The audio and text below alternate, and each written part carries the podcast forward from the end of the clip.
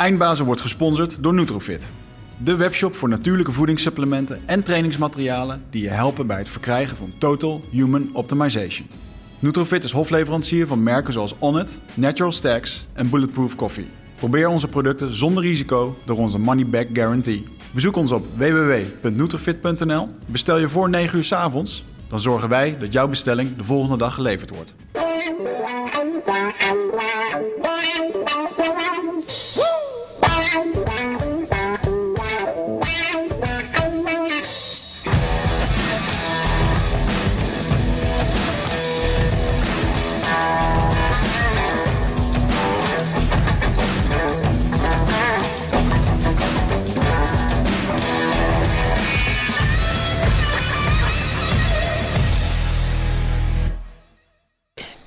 Vraagje. Kun jij je nog wat herinneren van je eerste Braziliaanse jiu-jitsu les? Ja, ik kwam toen eh, in de volle overtuiging met een eh, blauwe band Japanse jiu-jitsu eh, binnen. Hmm. Denkende dat ik dat, ja, dat we een soort gelijk ding gingen doen. Ja. Totdat ik echt gewoon werd ge, ja, opgerold door groene banders, witte banders. En ik daar eigenlijk wel een soort van bedrogen naar buiten liep. ja. Dat was wel een reality check. Ja, zeker. Daar leerde je hardhandig dat Braziliaanse jiu-jitsu toch wel iets deed wat de standaard vechtsport misschien niet helemaal doet. Namelijk echt tegenstanders opruimen of oprollen. Ik kan me nog goed herinneren dat ik mijn eerste Braziliaanse jiu-jitsu les had. En eh, daar werd meteen heel pijnlijk duidelijk gemaakt dat dat iets is van techniek. En dat je daarmee sterkere tegenstanders kan verslaan. Want ik ben naar mijn eerste BJJ-les meegenomen door eh, onze gast van vandaag. eh, pro-MMA-vechter Marloes Koenen. En een van de eerste lessen die ik bij het BJJ leerde was toen ik met Marloes mocht rollen. Van wow, deze dame is, eh, als het goed is, iets minder sterk als ik. Lichter, maar ik ben volkomen kansloos. Want zij kent trucjes die ik gewoon niet ken. En dat was meteen het moment waarop ik verliefd werd op BJJ en dacht, dit moet ik ook leren. En dat is allemaal dankzij jou. Nou, graag gedaan. Welkom in de studio, Marloes. ik ben niet de enige hoor. Ik, ik heb dit verhaal heel vaak gehoord. Ja. Dat je mensen het Ja. gospel hebt. eh, Op die manier ook van mannen natuurlijk. Hè, want Mhm. die, eh, die zijn het niet gewend. Roemer, mijn vriend. ja, Die kwam de eerste keer. En ik weet het dus allemaal niet meer. Ik weet dus ook niet meer de eerste keer dat jij kwam. Ik weet niet meer de eerste keer dat Roemer kwam.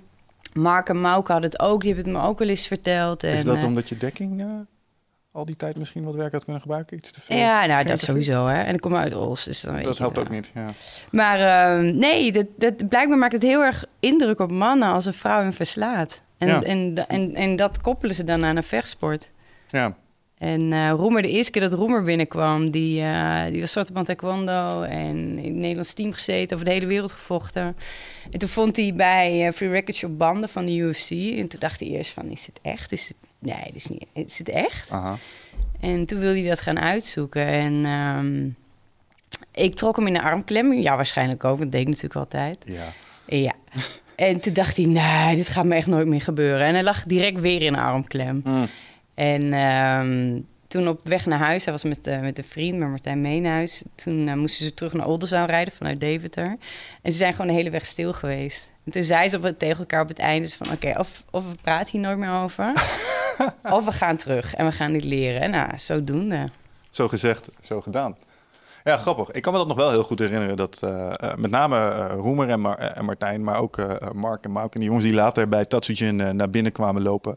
ehm, dat ze erbij kwamen. En inderdaad, dat, eh, dat met Marloes rollen toch altijd wel een soort reality check was voor ze. Ehm, maar dat ze ook ehm, met name in het eh, leren kennen van het Braziliaanse jiu-jitsu. eh, kijk, het is natuurlijk zo'n zo'n ehm, vooroordeel dat je hebt. Je bent een man, je bent sterker. En vanuit het traditionele ben je eigenlijk gewend dat je vrouw daar in de baas, de baas kan. En dan kom je plots op de mat. In een relatief nieuwe sport dan misschien weliswaar. Maar je bent gewoon kansloos. Tenminste, zo heb ik dat destijds wel ervaren. En het is echt het gevoel alsof er iemand tegenover je zit die toverkunstjes kan. En die gaat vervolgens met je aan de slag. Dus ik kan me echt levendig voorstellen dat dat eh, een indruk heeft gemaakt eh, op die jongens. Maar het heeft er wel voor gezorgd dat je, eh, Roemer, je, nee, het is niet je echtgenoot momenteel, toch? Nee, nee, nee, we zijn heel lang verloofd, maar dat is alweer verlopen. Ehm, ja, is dat zo? Ja, dat is nee. Hij had me ten huwelijk gevraagd na duizend jaar. En dat is anderhalf jaar lang geldig. Zo'n in, in ondertrouw. Maar ja, wij zijn echt tweede bielen bij elkaar. Oh, het is niet zo dat het slecht gaat en dat het Nee. daarom... Oh, ik denk, wat zo, dit wordt ongemakkelijk hier. niet eh. meer. Ik dacht net van, nou, hoe, hoe ga ik mij hier redden? Want ik was in de veronderstelling dat Roemer en jij Nee. nog een ding waren. Ja, maar dat is gelukkig nog steeds, zo. Ja, nee, oké, gelukkig. In een eeuwigheid. Fijn. Ehm, maar goed, dat was dus ehm, zeg maar hoe ik het BJJ heb leren kennen. En blijkbaar is dat een ervaring die eh, andere mannen eh, en andere mensen ook hebben gehad. Ehm, maar jij liep natuurlijk al bij eh Tatsujin voordat je mij daarmee naartoe kwam, nam. Nou, je hebt dit verhaal vast wel eens vaker verteld. Maar kun jij even kort vertellen hoe jouw begin met vechtsporten gegaan is? Want je Ja. bent er natuurlijk best wel ver gegaan. Ik was, even kijken, 12. En toen ging ik natuurlijk naar de middelbare school. En daarvoor deed ik altijd tennis en volleybal. En ik heb twee oudere broers. En mijn oudste broer ging in Groningen studeren. En dan, toen is hij begonnen met karate. En later is hij gaan kickboksen. En dus als mijn broer thuis kwam in het weekend... dan hingen die kickboksbroeken aan de waslijn. En dan was hij met Robbie, mijn andere broer... allemaal karate trap aan het oefenen. En dat ging ik dan weer met vriendinnetjes op de lagere school. Ging ik dat weer oefenen. Dus ik, was wel, ik vond het wel heel erg leuk en heel erg stoer. Eh, alleen op een gegeven moment toen eh, naar de middelbare school ging ik een ander niveau doen dan mijn vriendinnen van, eh, vanuit het dorp. Dus ik moest ook vaak alleen door het bos fietsen. Nou, jij kent die weg, de De Molenweg. molenweg, ja. Hey, de diepe veetsen. En ja, als je daar overdag over rijdt, denk je, dat valt wel mee. Maar als het zeven uur 's ochtends is en het is hartstikke donker... Mhm. dan is het best wel eng, al die krakende bomen. En dat, nou, er was op een gegeven moment waren daar verhalen dat daar potloodventers actief waren. En toen dacht ik, oké, dan moet ik mezelf leren verdedigen. En ehm, ik wilde gaan kickboksen. En dat mocht van mijn moeder niet, want dat was in Deventer, dat was ver weg. Die kickboxschool was dus direct naast mijn middelbare school. Dus hoe ze dat in de hoofd heeft gehaald, weet ik niet. Je wilde naar Ak, Dennis. Ja, Ja, ja. Een vriendinnetje die was daar ook gaan trainen. En ja, en ik had natuurlijk dat kickbox-idee van mijn broer heel erg in mijn hoofd. En eh, toen heeft mijn andere broer, Robbie, die heeft me mee naar karate genomen. En, eh, maar dat deed ze alleen kata's. Ik dacht van, ja, daar heb ik echt geen zak aan. Mhm. En ik weet nog dat ik zo zo'n de eerste kata aan het doen was. Ik dacht, ja, als ze me van die fiets aftrekken en ik lig op de grond, eh, dat is niks. Gewoon pinans lopen. Ja. En aan het einde van die les, toen legde iemand in een hoekje van... het was gewoon in een gymzaal, die legde allemaal matten neer. En die ging met een ander, hij was zo volgens mij alleen met Saron. En eh, die ging over elkaar heen rollen. En ik werd daar heel ongemakkelijk bij. Ik dacht ja, twee mannen over elkaar rollen, vond ik heel erg vreemd. Ik was natuurlijk met ongelofelijke alpha-mails opgegroeid. Mm. En, ehm, maar ik was wel getriggerd, want ik dacht van, ja... Als ik hè, van die fiets af word getrokken, dan lig ik op de grond. Dan is dit wel wat ik moet doen. En toen ben ik met, ehm, met Julien en Theo, die wonen ook in de buurt van eh Olst. En toen ben ik daar naartoe gegaan en eh, eigenlijk nooit meer gestopt. En zo, dat was BEJ. En het heet eerder nog, volgens mij heet het eh, Shinjitsu, zo heet het eerst. Mm. En toen deed het BEJ en eh, toen werden er wedstrijdjes gedaan. En vanuit het grappelen, vaak waren er ook helemaal geen vrouwen. Dus ik, ik, ik heb volgens mij twee keer tegen vrouwen gegrappeld en voor de rest alleen tegen mannen. Mhm. Ja, ik heb jou vaak in de mannendivisie zien eh, Ja, winnen ook. Ah. Dan, Ja. eh, ah, dan, dan weet ik nog wel dat ik dat dan dacht. Dacht ik ook van fuck. Als, als ik dat mij dat ooit gebeurt en ja, dan moet je tegen een meisje, dan zit er in één keer een hele druk op die je jezelf oplegt. Ja, je. mannen worden ook... Ik weet nog één keer was ik in, eh, in Brussel. En eh dat was een toernooi en ik had van een jongen gewonnen. Nou, en dan kom ik uit, uit een blank dorp. Dus er stond een, een, een donkere jongen tegenover mij met van die bolle spieren. Dus ik scheet hem echt bagger. Eh, maar die, daar won ik van. Ik weet niet, armklem of verwurging. Mhm. En iedereen echt zo... En ik zat zelf ook zo... Hoe kan dit? Ja. Ja, maar toen moest ik tegen zijn broer. Dus die moest even wat rechtzetten. En, Oh. en dat was ook echt wat dat ik voor het eerst eh, heb ervaren hoe, hoe dat voor zo'n man is en hoe agressief. Want ze gaan er niet 100%, hè? ze gaan 5000%. Ja, of juist niet. Of juist in een voorzichtige modus. Nee, nee, Nee? Oh, echt dat is- niet. Ik weet ook nog een keer een meisje die brak haar, eh, Dina, Ja. die brak haar schouder een keer met een grapplingpartij. Nou, dan word je voor hard gegooid door een jongen hoor. Ja, nee, dit is allemaal ego van die mannen. Die gaan toch niet te overstaan van, Ja, ja, ja. van iedereen. Als je, ook als het geen, geen fysiek, po- letterlijk podium. Het is natuurlijk wel een podium en iedereen kijkt. Ja, Ja, wil je niet eh, zes jaar lang nog worden uitgelachen... omdat jij door een meisje naar armklem werd gelegd. ja. Dus, eh, en, Ik en- denk dat het wel een hele kortzichtige manier van kijken ernaar is. ja, ben ik met je eens. Als je het beg- begrip van jiu-jitsu kent, dan snap je dat Dan het, snap dat je het kan, dat dat gebeuren is, en dat het ja. zo is. Maar ik, ja, ik kan me wel eh, voorstellen dat als je jong bent, je bent 17 jaar of 18 jaar, misschien 21 en je zit met al die gasten en je Mm. voelt die druk en er wordt van tevoren grapjes gemaakt. Oh, hij zit in de meisjes uh, Tuurlijk, en, ja. eh, weet je. Net zoals die, eh, die man die ooit tegen Irma Verhoeven heeft gevochten. Dat ik me ook afvraag, what's in it for you, man? Wat, Ja. Welke winst kun je hier halen? Heb ik nooit als- begrepen, als ja. Rijker. Ja. Ja. ja, dus ik snap dat die, dat die druk er wel bij op zit. Tegelijkertijd, wat ik daar straks al zei, ik zie het ook als een fantastisch bewijs dat die technieken het gewoon doen. Ja. Ja, en, en hoe ouder ik werd, hoe meer ik... Kijk, ik, dus vanaf begin af aan is het al eh, heel erg gendergedreven ding geweest. Zonder Mhm. dat ik me daar bewust van was. En pas vanaf ongeveer mijn dertigste, toen werd ik me meer bewust van de dingen die ik heb geleerd. En heb ik het niet over technieken, maar over mentale lessen in de vechtsport. En, en dan ga je ook boeken lezen. Dus bijvoorbeeld één boek dat echt mijn ogen heeft geopend. Het heet De Breekbaarheidsmythe. Of de Frailty Myth in het Engels. En ehm, daar gaat het eigenlijk over de fysieke onderdrukking van vrouwen. Mhm. Hm. En het feit dat ik op mijn negentiende in Japan wereldkampioen werd. En eh, in een hele asociale sport.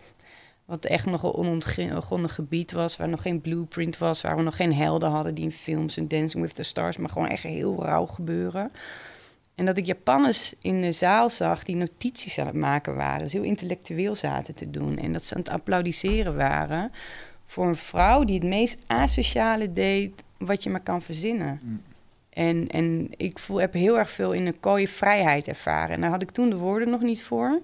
Maar dat is pas later gekomen. En zo heb ik veel meer inzichten gekregen. En voor mij is vechten gewoon een... een, een- ja, ik noem nu vechten. Ik probeer als ik, weet ik veel, weet ik, op een pauw of zo zit... dan probeer ik altijd wat betere woorden te gebruiken. Mm. Want ik heb een heel, heel groot publiek wat ik moet overtuigen. Hier zitten de liefhebbers. Dus. Ja, nee, precies. Maar dus eh, vechten is, is echt een metafoor voor het leven. En ook als je mensen ziet trainen, je kan zo makkelijk karakters kun je schetsen. En eh, het is zo'n goede tool voor weerbaarheid en allemaal dat soort dingen. Mhm. En, eh, en zo zie ik, kijk, ik ben nu klaar met eh, vechten. Ik ben helemaal niet geïnteresseerd om mensen te gaan opleiden. Het is zo'n lange weg. Er zijn er maar een paar die dat redden. En, en als Mhm. ik het doe, minimaal kampioen in Bellator of UFC. Anders ben ik niet geïnteresseerd. Maar ik vind het veel interessant om te kijken hoe ik mensen die, die, hè, die niks met vechten hebben, die onzeker zijn, die zijn vastgelopen, hoe je die op zo'n manier kan scholen. En ik denk dat vechtsport daar de beste tool voor is. Ja, ja. Nou, ik vind het wel even interessant, hè, want je had het net over dat eh, boek, eh, de, de breekbaarheidsmythe. Ja. Eh, hoe verhoudt zich dat tot jouw gevoel van vrijheid dat je in de, in de ring hebt ervaren? Nou ja, kijk, die, wat, wat het boek schetst is eigenlijk... Nou, bijvoorbeeld een voorbeeld. Je hebt... ehm, ze hebben er onderzoek gedaan, had je allemaal babytjes, ehm, jongens en meisjes. En dan hadden ze een cirkel van kussens neergelegd. En binnenin waren allemaal grote, veelkleurige objecten. Dus die babytjes denken, daar moeten we naartoe. En wat, eh, wat je dan zag, was dat die jongens, die, die konden gewoon lekker klauteren. Dus die grove motoriek, die werd getraind. En meisjes, opgetild en in het midden gezet. Dus van jongs af aan worden wij al getraind, vrouwen... eh, en worden we bepaalde dingen worden onthouden. Mhm. En een ander ding is bijvoorbeeld wat er ook in naar voren kwam, was eh, meisjes kunnen niet autonoom spelen. Wij worden altijd becommentarieerd. En als je dat verder trekt en je kijkt bijvoorbeeld naar vrouwenmagazines, dan valt mij altijd twee dingen op. Het gaat altijd over het fysiek van vrouwen. Je hebt je, eh, bijvoorbeeld in de Telegraaf heb je zo'n rubriek met van... eh, dan zie je een vrouw in hele mooie lingerie, heel mooi gefotografeerd. En dan mag ze even zeggen wat voor cijfer haar armen hebben... en haar tieten en haar benen en noem maar op. Alsof je als een soort van keurslager je eigen lichaam moet raten. Ja. En je hebt ook andere, eh, who wore it best? Dan zie je twee vrouwen in dezelfde jurk. Hè? Vrouwen worden ook heel erg tegen elkaar opgezet. Mhm. En ehm, hoe ouder ik word, hoe meer ik mij daar bewust van, van, van raak. En ehm, voor mij is dus de vechtsport, wat dus van oudsher wordt gezien als een ongelofelijke alfawereld voor mannen, eh, is, is op die manier een tool geweest om me daaraan te, te, om eraan te ontvluchten. En, en wat ik ook vaak denk is van, ja kijk, vrouwen zijn gebouwd om te baren. En eh, dus wij kunnen supergoed met pijn omgaan. Mhm. En is het eigenlijk van de gekken dat wij het zwakke geslacht zijn. Mhm. Dat vechtsport iets voor mannen is. Want die zijn stoer, die kunnen... Eh, fuck op. Weet je? Wij vrouwen, wij zijn er hartstikke goed in. En ik probeer niet te al te agressief in die boodschap te gaan zitten. Omdat je, ik wil juist dat alle mannen... dat die meegaan in die boodschap. Want Mhm. ik heb... Hè, dankzij jongens zoals jij, eh, dankzij Martijn, natuurlijk dankzij Roemer, dankzij Andy, dankzij heel veel mensen, Mark en Mauk in die vechtsport, die me altijd hebben geaccepteerd als vrouw, als enige vrouw te midden van hen. Ik, was, ik hoorde er altijd bij. Die werd maar ongelooflijk gepusht. En eh, ik denk dat we dat samen moeten doen. Dat we samen die eh, verandering moeten gaan, gaan starten. En die is natuurlijk al wel bezig, dat zie je overal. Maar ik denk dat het echt iets is wat we samen moeten gaan doen. En, en als jij echt een sterke kerel bent, in mentaal en fysiek sterk, dan wil je niet. Hè, als- als- nee, je ziet jezelf hier, en die vrouw is hier nog in ontwikkeling. Dan ben je hier niet bang voor. Je wil juist dat ze hier gaat komen. En maar heel veel mannen, en maar ook vrouwen wel, die dat bij anderen weer doen, die willen het hier houden omdat ze hier bang voor zijn. Dus dan denk je, ja, wat als dit gebeurt? Waar ben ik dan nog? Dat is verandering. Maar ik denk dat het juist ehm, dat het een trend is die je niet kunt tegengaan. En ik geloof dat ik recentelijk nog iemand hoorde zeggen dat naarmate we er meer onderzoek over doen, dat als we vrouwen en mannen gelijk behandelen onder gelijke omstandigheden, wat in de moderne maatschappij veel makkelijker is als vroeger, zeg Ja. maar, ehm, dat we tot de conclusie komen dat het zwakkere geslacht eigenlijk het sterkere geslacht is. Dus als het speelveld helemaal gelijk is, dan ehm, hebben vrouwen over de linie heen een paar eigenschappen, ehm, zoals bijvoorbeeld hoge pijnbestendigheid en misschien een stukje meer stressbestendigheid, ik weet het niet. Maar ehm, is dat verschil tussen mannen en vrouwen helemaal niet meer zo groot? Want wij hebben van oudsher een soort voorsprong. Zeker als witte, zeg maar als blanke man, zeg maar, heb je een soort paar puntjes voor. En dat begint nu een beetje recht te trekken. En als je op een gelijke basis begint, is het helemaal niet meer vanzelfsprekend dat de man het verder schopt. Sterker nog, vaak brengen vrouwen het net iets verder. Ja, maar daar komt natuurlijk ook die agressie vandaan. Hè? Ook de agressie naar, eh, naar eh, Marokkanen toe. Eh, die hele Zwarte Pieten discussie. Want Mhm. iedereen, we zijn nu in een ontwikkeling in onze maatschappij... waarbij iedereen zoveel eh, fundamenten heeft... dat ze ook een eigen plek durven te claimen. En zoals ik het zie, dat is eigenlijk dezelfde parallel als met de vechtsport. In het begin dan eh, word je genegeerd. Daarna ga, word je uitgelachen. Dan gaan ze tegen je vechten. Dan ben je gearriveerd. En zo zie ik dat ook met de ontwikkeling van vrouwen. In emancipa- eigenlijk is emancipatie breed. Mhm.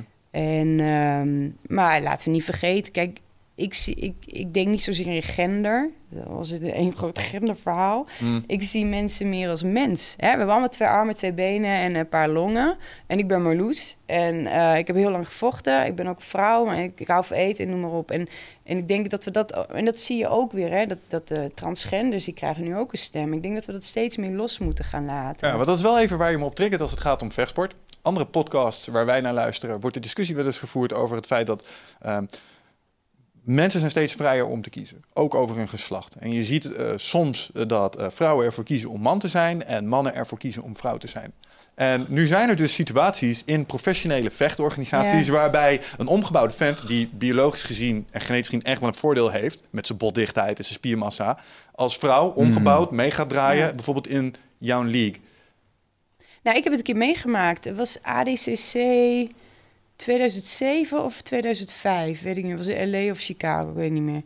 En eh, nee, het was 2007, nu weet ik het weer. Er was een, een vrouw die een man wilde worden, maar die zat zeg maar op eh, mwah, 95% van het eh, proces. Ja. En die deed mee met de vrouwen in mijn league. Oh jee. Ja, maar had vond- al wel de, de bijbehorende hormoonkuurtjes Ja, en dus- zo gedaan. ja. Dat dus, want ik met ADC, ik was een kneus. Ik denk, ja, ik, ik had toch beter worstelen dan die meisjes. Ik gooi ze, alleen dan begon het spel pas. Ja. Dus ik had hem, haar, hem, whatever, gegooid. En ik weet nog dat ik in de guard bij diegene lag. En dat ik op die bovenbenen zag ik alleen maar dikke zwarte mannenharen. En toen was ik helemaal verslag. ja. Ik was helemaal in mijn spel. Ja. En ik voelde die kracht ook. Dat was echt zo'n pezig. Het was niet dat het zo'n persoon was, maar die pezige testosteronkracht, om even zo te noemen. Mhm. Dat was gewoon niet fair. En ik ben toen derde geworden.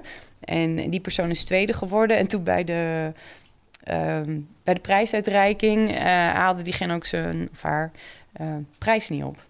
Dus die wist zelf ook wel. En natuurlijk ook bang. Voor van ja, dan sta je daar. En Ja. dan staat iedereen, alle grote namen die staan daar. Want die, die hebben zelf ook gevochten. ja.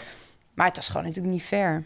Nee, dat snap ik. waar. Wat, wat, wat denk jij? Ik ben benieuwd. Wat- Zie, zie jij daar een oplossing voor? Zouden zulke mensen gewoon moeten kunnen meedoen met die toernooi? Of Ja, moet je ik- daar toch iets voor gaan verzinnen?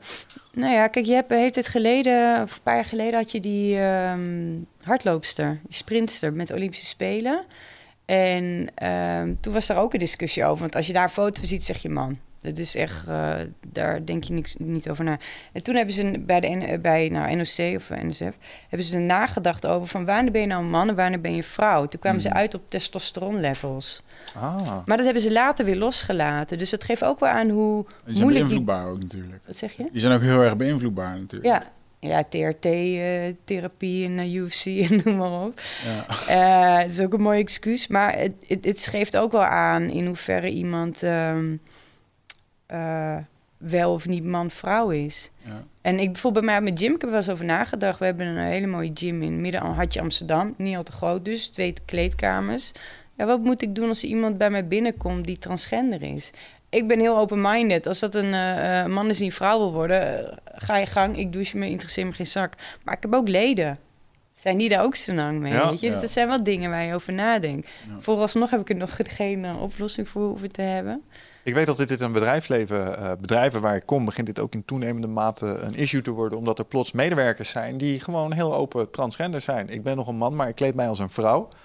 Oh ja, ik En, het liefst zou ik naar het vrouwentoilet gaan. En eh, Ja, dan zeggen Ja, sommige mensen, maar biologisch gezien heb jij iets hangen. Dus jij gaat maar mooi ja, naar het maar even mannentoilet. serieus. hè. Fuck dat. Er zit gewoon... Iedereen gaat naar het toilet en dan maak je één toilet met een urinoir. En dan, eh, dan is toch gewoon de hele issue voorbij. ja, maar kan mij daar- nou- het gaat boeien- ook niet om dat urinoir uiteindelijk. Het gaat gewoon om maatschappelijke acceptatie. Ja, tuurlijk. en- Maar ik bedoel, dit geeft wel aan hoe, hoe Bekrompen oppervlakkig mensen denken. Je kan ook gewoon heel... Het is ook een, een stukje filosofie en ook gewoon pragmatisch zijn. Een van de Google-directeur in Amerika, die eh, was thuis een man. Vond het fijn om als vrouw naar zijn werk te gaan. En niet de grote, grote directeur, maar van een kantoor in Dit Google. kan gewoon. Ja, en daar heeft Google, die heeft zelfs eh, zijn naambordje in Mrs. eh, veranderd. Hij mocht daar met een pruik rondlopen en eh, op zijn werk mocht Ja. hij gewoon lekker de vrouw zijn en thuis ging hij naar huis. Had hij gewoon een gezin en zo. Ik zie die volgende week in een jurk. Wat zeg je? ik zit die volgende week in een jurk. Ja, Ja, ja, voor mij mag je hoor, het is helemaal welkom. maar dat kan dus blijkbaar Ga je gewoon. wel naar die andere wc? Ja, Ja. ja, ja, ja, ja, ja. Ik, vind, het- ik vind het dapper dat je dat... eh, Ah, het is super dapper om het te doen. Maar uiteindelijk moeten een aantal van dat soort mensen omstaan, opstaan. Wil je daar een soort van acceptatie in krijgen. Ja, maar je, maar je ziet gewoon dus dat er, dat er gewoon globaal... dat er een emancipatieproces zich aan het voltooien is... of in ieder geval een ontwikkeling is... wat niet zich beperkt tot alleen vrouwen of transgenders... of gay of nou ja, moslims, noem maar op. En dat zegt wel iets over onze tijd. En eh, ja, hoe dat komt... eh, globalisatie, internet, whatever. Mhm. Maar ik vind het vooral interessant dat het gebeurt. En ik heb het idee dat we dus ook in een hele, hele coole tijd leven. Terwijl heel veel mensen heel angstig zijn. heb ik helemaal niet. Nee, nee, nee. Maar dat is inderdaad over nu. Ik wil eventjes teruggaan naar jouw eh, begintijd. Want nu, als je een beetje fan bent van mixed martial arts, dan zie je eh, de dingen waar je vroeger van droomde. De backstage dingen, Dana White die in de kleedkamer staat, vechters die gevolgd worden en hè, de toeloop naar zo'n gevecht. Maar toen ik van het, voor het, eigenlijk voor het eerst van jou hoorde, was via jouw forum Mixfight. ja. En dat was van eh, een meisje van 18 die eh, een eh, remix toernooi eh, had gewonnen in Japan. 100.000 gulden, 200.000 gulden was dat grote Nee, prijs. dollar. Oh, dollar? Hoeveel dollar Ook was het? officieel nooit gekregen. 100.000. Hoeveel dollar was het? 300.000 of zo, toch? 100.000. Oké, 100.000. daar komen we zo meteen op. Maar in ieder geval, dan was dat, en dan las je dat in een paar regels. En misschien een Martijn de Jong die daar dan op reageerde. Of, of jij zelf. Of, Mhm. dat was het. Maar Tekst, ja. Ehm, wat, ehm, hoe was het dat eerste toernooi? Was het niet je allereerste toernooi, lees ik hier. Maar het was wel, eh, ja, wel het eerste drie mans toernooi voor jou. Acht mans toernooi voor jou, toch? Ja, was nee, het, was, ik had twee eh, amateurpartijen in Nederland gedraaid. En bij mijn allereerste partij bij in de gym... Mhm. Toen zat Jan Loomulder, die zat in het publiek. En, Je bedoelt eh, dat eerste Shuto-gala? Ja, Ja, ja, dat herinner ik mij nog wel. Ja, en Roemer vocht daar ook. Ja. En Martijn Meenhuis. eerste En partij. Mauke en, en eh, dingen. Scheef gezet daar. Wie? Bij mij. Had je ook gevochten Ja, dat daar? was mijn eerste partij toen. Toen heb ik met een, met een oh, gebroken neus al naast... Ja, kwijt. omdat je zei Jan Loonmulder. Ja, ja. Nee, ik zat met een gebroken neus naast Jan Oh, Loonmulder. Zo van, ik doe dit nooit meer. Ja, dat was het begin en het einde van mijn MMA-carrière. Mooi, Echt, eh, waar heb je daar Ja, ik wist niet dat het jouw eerste partij was namelijk. Ik dacht dat jij al veel meer had gedaan. Nee, nee, nee, het was mijn eerste, eh, Oh. eerste partij. Oh, ik scheet hem echt bagger. En ik weet nog dat ik... eh, ik stond zo in die ring. Ik zo... En eh goed het zo. En ik liep terug naar mijn hoek. Ik denk, oh, nou word ik in elkaar geslagen. Dacht ik echt. En 30 seconden later stond het meisje de neus zo. En de arm, eh, die was een beetje pijnlijk. En dat had Jan Loomulder gezien. Dus die was in Japan. En er werd hem gevraagd naar een invaller voor een partij. En ik was net gaan studeren in Rotterdam. En... ehm, ik had nog helemaal geen kamer. En ik, sliep bij mijn broer in, in Amsterdam. En dan ging ik weer naar huis toe. En dat was, toen waren er nog geen telefoons. In de zin van mobiele telefoons. Waren wel telefoons. Hè, wa- was ook al een auto. Nee, eh, er waren geen mobiele telefoons. En ehm, ik kwam thuis eh, in Ons. En mijn moeder die stond in de tuin mij al op te wachten. eh, want ik kwam met de trein natuurlijk. Ik zeg, oh Loesje, Loesje, je kan in Japan vechten, maar het is heel laat. Misschien is het reisbureau dicht en misschien kan het niet. Maar heel misschien word je nog gebeld. Dus ik ben naast die telefoon zitten. En toen werd ik gebeld en toen werd er gevraagd... wil je in Japan vechten, moet je nu heel snel ja zeggen, want anders kan het niet meer. Ik zei, ja, is goed. En toen ging ik een paar dagen later ging naar Japan. Dus ik wist niks. Geld, dacht ik helemaal niet. Ik dacht, oh leuk, knok in Japan. Ja. En uh, dus kwam ik aan in Japan en uh, het was met kopstoten en ellebogen. ik zo... Het hebben ze, ja, heel grappig. hebben ze de ellebogen hebben ze eruit gehaald, maar de kopstoten die hielden ze erin. Maar hebben ze op verzoek gedaan omdat jullie daar wat over ja, zeiden? Er waren met Gerrit Cadeau nog een paar meisjes. En ja, je had ook echt monsters die daar aan het vechten waren. Niet die meisjes van Gerard, maar die Japanse. Eén die had echt, die, was, die kwam met showworstelen. Eén die had gewoon hier zo de haar zo weggeschoren. Dan had ze het zo'n staartje erop, zo dik. En gewoon echt, echt monsters waren het. En... Um, Anyway, maar ik dacht, ja, ik ga echt niemand de kopstoot geven. Dat doe ik niet. En die eerste partij toen, oh, dat was ook nog heel vaak, had ik me echt asociaal gedragen. Oké, dat is wat anders. Dit soort details zijn we juist op uit, hè? Ja, nee, ik, ik, ga het woord niet zeggen. Maar ik was dus met Gerard mee. En Gerard komt uit Den Haag. En je weet welk woord ze daar nou, in iedere zin onder vijf woorden gebruiken. Uh -huh. Het is een ziektewoord. Dus, en ik was alleen met hem en die meisjes. En Gerrit was fantastisch. Hij was echt als een vader voor ons. We hebben heel Tokio gezien. Ik denk niet dat we gerust hebben. We hebben echt uh, Harajuku, alles, noem maar op. Hij wordt daar wel heel erg gerespecteerd hè, in Tokio. Ja, uh. ja.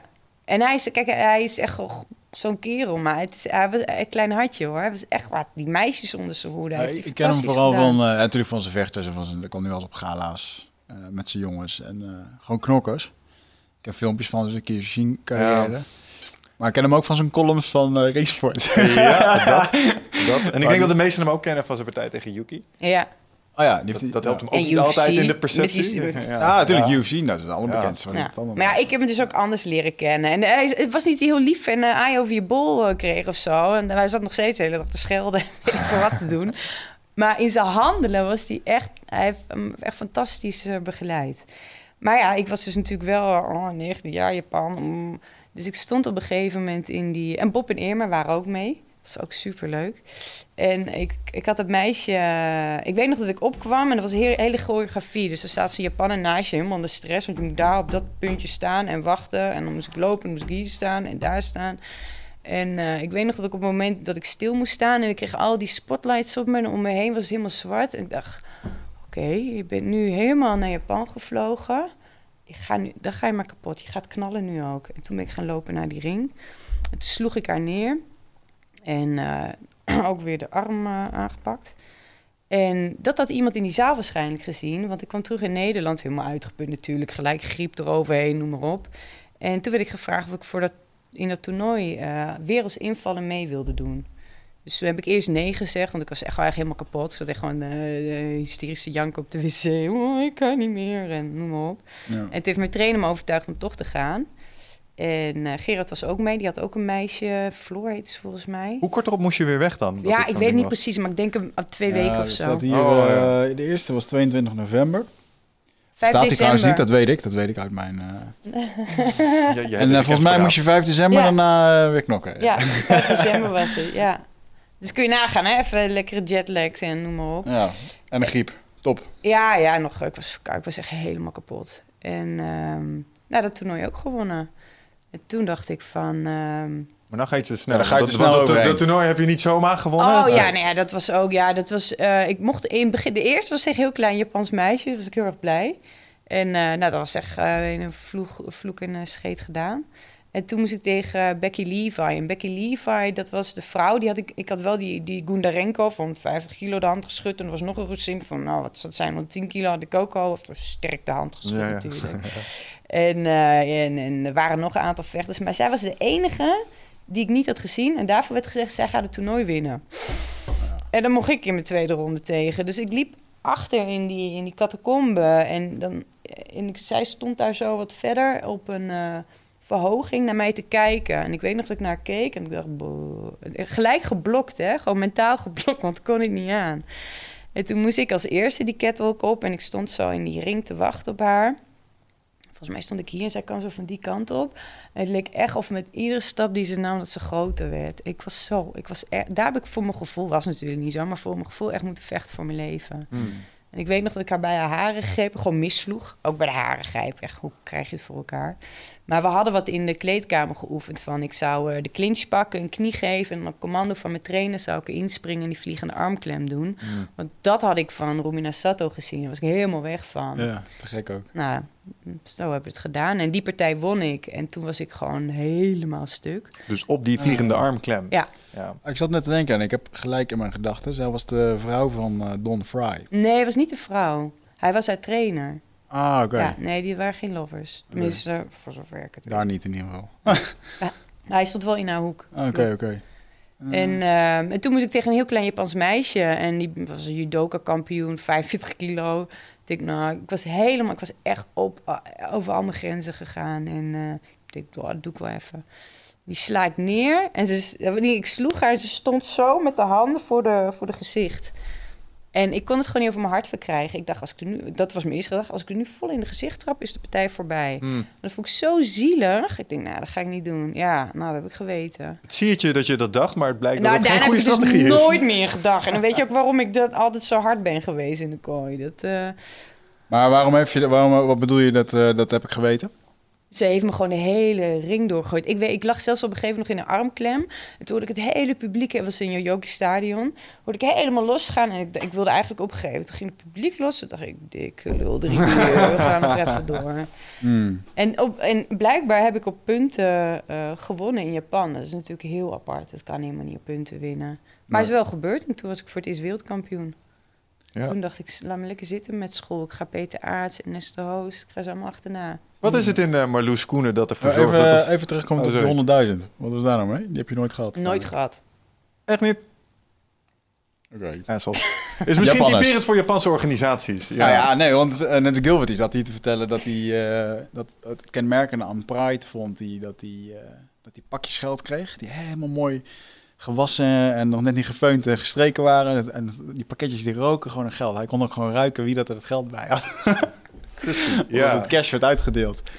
En, eh, ik weet dat Van der Leij Silva en zo ook gewoon met eh, tasjes geld naar huis gingen. Ja.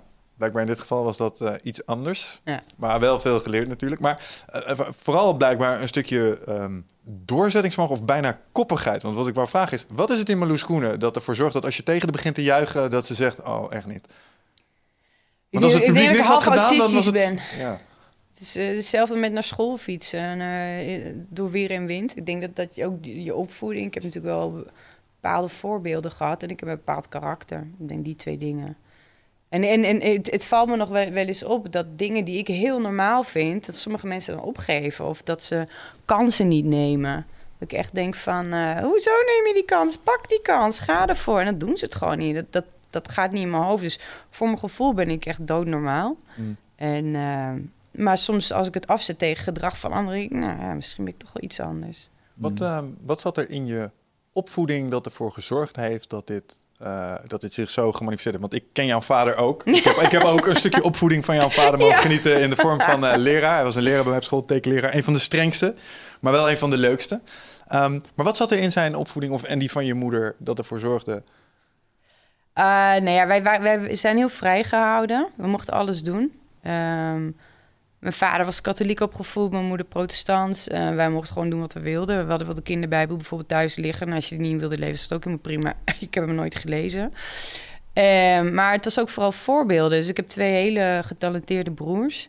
En eh, die waren altijd bezig. Robbie die was een van de eerste hackers van Nederland. Hij heeft nog in de nieuwe revue gestaan Ja, mee. ja, Floppy Robbie. Ja, En die heeft zoveel dingen gedaan. En Arno, mijn andere broer, die, die, die maakte al aquarels in opdracht toen hij een puber was. Dat gewoon mensen huilend bij ons in de... Ah, Hij In heeft de... dat Ramon, Ramon Dekkers eh, iets Ja. gemaakt, toch? En dan Ja. een kunstwerk. Wat Ja. toen, eh, Ja.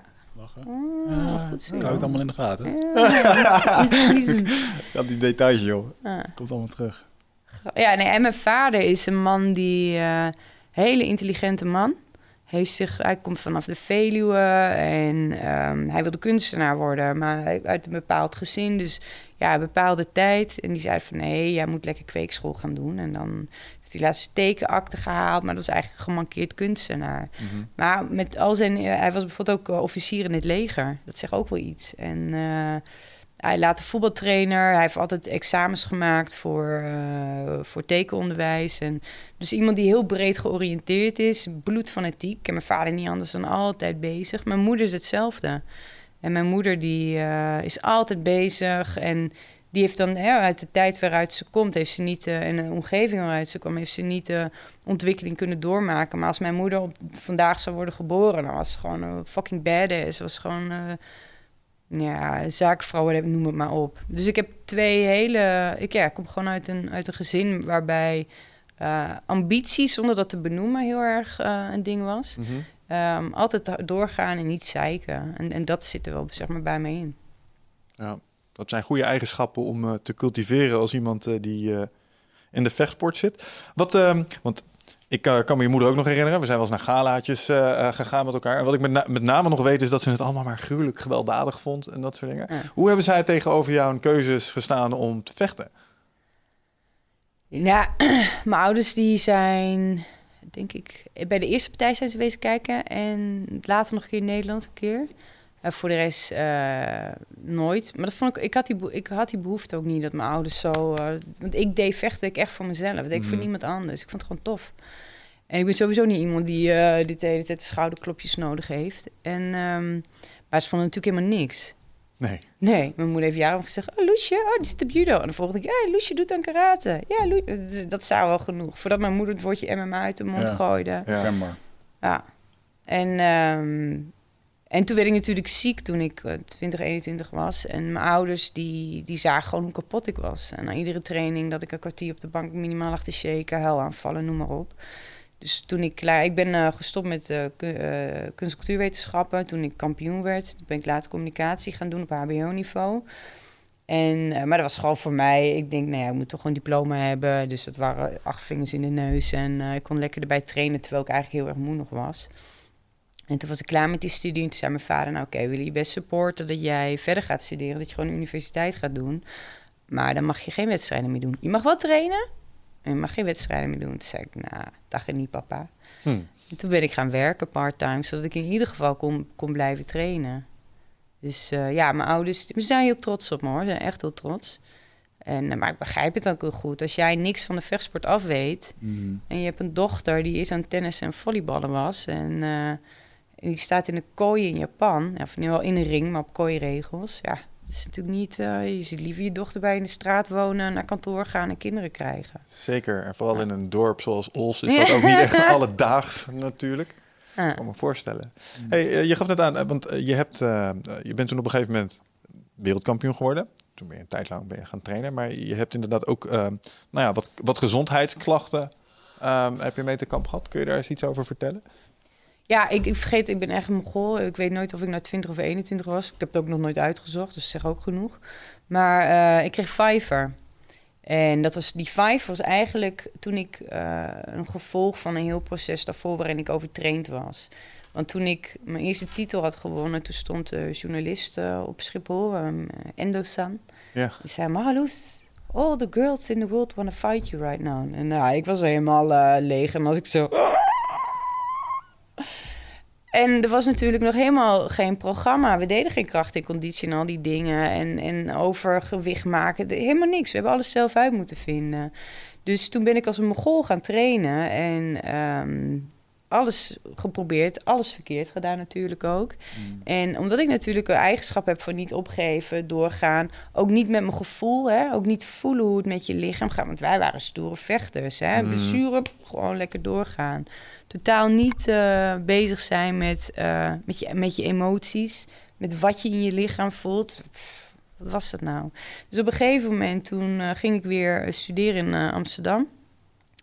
En ik zou tegen Irma Verhoef vechten in de, in de arena. En ik um, woon, mijn broer had een huis, mijn vader had een huis en er woonde mijn broer in. En er was ergens was een zolderkamertje over. En, uh, maar er was geen wc of zo, er, er, was niks. Dus ik, ik sliep gewoon op de zolder, de schoten muizen langs me heen en noem maar op. En als ik moest, uh, naar de wc moest, moest ik dat bij mijn broer doen. Dus uh, in het weekend ging ik, zodra ik klaar was, ging ik weer naar mijn ouders terug. En um, toen kreeg ik op een gegeven moment, moest ik overstappen van Amersfoort. In, dus moest ik naar Deventer in de trein overstappen op Amersfoort. En ik sta zo op en ik word helemaal licht in mijn hoofd. En ik val bijna tegen de vloer aan. Ik denk, boah. En dat was een paar weken voordat die partij zou plaatsvinden. En Irma, die had mij natuurlijk gezien voor het eerst in eh, Japan. En ineens kreeg ze te horen dat het kleine meisje tegen haar wil vechten in de arena. Ze wist ook dat ik goed was op de grond. Dus ja, die Irma die kan, kan me wel indenken dat ze iets had van... ja, ik ga dat kind niet in elkaar slaan. Dus die heeft me ook nog een keer gebeld van... ja, Marloes weet wel, ik ga jou echt in elkaar slaan. Ik zei, ja, dat is goed. Ik denk, ja, ik ben nu wereldkampioen, ik tegen Irma. Dan ben ik ook in Nederland kampioen. Zo, zo zat ik te denken. Dus dat was emotioneel best beladen, omdat ik heel veel respect voor Irma had en, eh, en voor Bob. En eh, hey, ik ben opgegroeid met Bob zien vechten. En ik heb zelfs Irma, heb ik, dat is de eerste vrouw die ik live zag vechten. Dus het, dat was best wel heftig. Nou, dus ik ging nog harder trainen. Ik luisterde nog minder naar mijn lichaam. En ik was net begonnen met school en ik had geen rust. En nou, dat allemaal bij elkaar op. En toen kwam ik dus bij mijn ouders thuis en toen ben ik helemaal ingestort.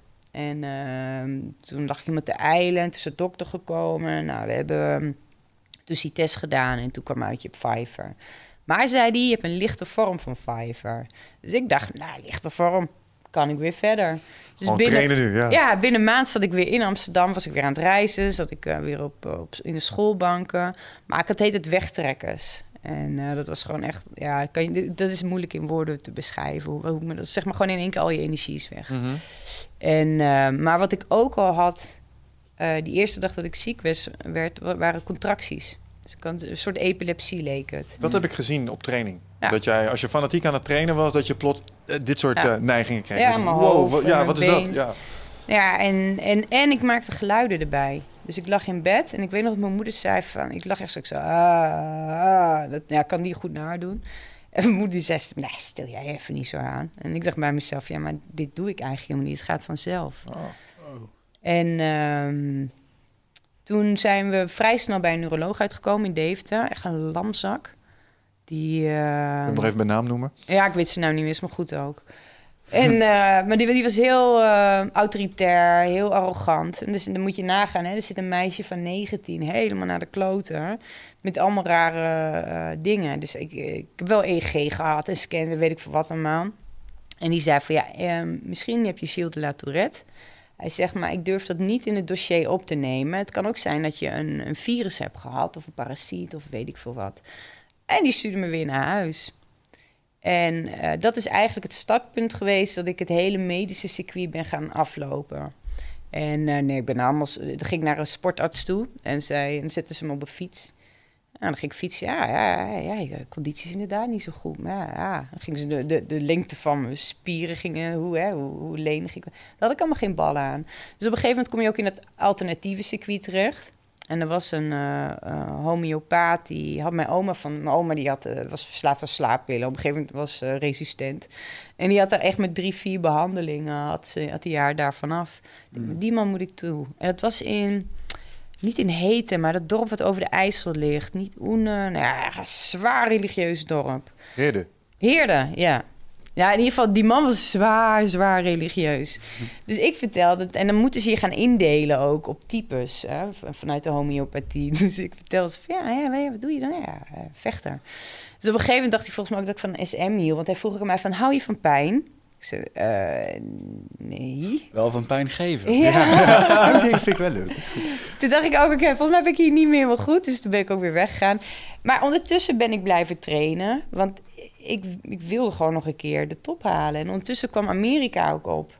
En ik wist gewoon, het- ja, dat voor mij was het 1 en 1 is 2. Ik wist, vroeg of laat gaat het in Amerika echt booming worden. En gaat het ook voor de vrouwen booming worden. Want als het in Japan kan, kan het in Amerika ook. Nou, dat je natuurlijk Gina Carano. Toen, toen werd ik nog gevraagd, oh, hoe heette die organisatie waar zij voor vocht? Elite XC. En eh, ik had net een contract daar. Toen ging ze failliet.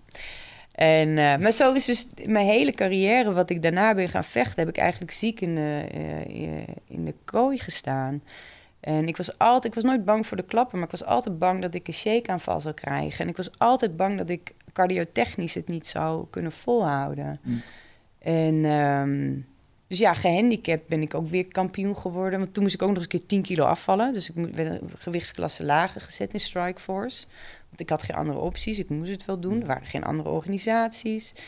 Dus ik heb het heel zwaar gehad. Maar daar heb ik ook heel veel van geleerd. Maar even terug naar die homeopaat. Heeft hij jou kunnen helpen? En Nee, nee, nee. nee joh, ik, heb, ik, heb, ik, ben, nee, ik heb alles gedaan. Ik Want heb, ik heb, ik heb toevallig net zelf vier maanden de ziekte van Pfeiffer gehad. Dacht ik ook van vier weken ben ik er wel vanaf. En eh, dat ik ook BJ ging trainen en dat ik de warming-up deed. Dat ik dacht, ja, er ligt een vrachtwagen op mijn rug. Ja. ja. En, ehm, eh, maar ik heb toen wel echt flink lopen zoeken daarna. En eh, een van de dingen waar echt voor werd gewaarschuwd is...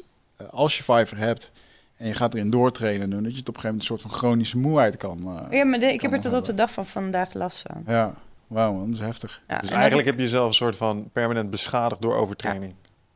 Ja, want ik ben ook nog later een keer naar een hele goede neuroloog geweest. Want ik denk, ja, ik wil toch wel weten of ik Gilles La Tourette heb. Ik, denk, ik was op, toen op het punt, ik dacht, alsjeblieft, zeg maar dat ik Gilles La Tourette heb. Weet je dan wat ben het ik is? Ja. En eh, dus dat was de eerste vraag die ik haar stelde. Was, nou, dat is een goeie, dokter Strak van Schijndel in Amsterdam. Een fantastische vrouw.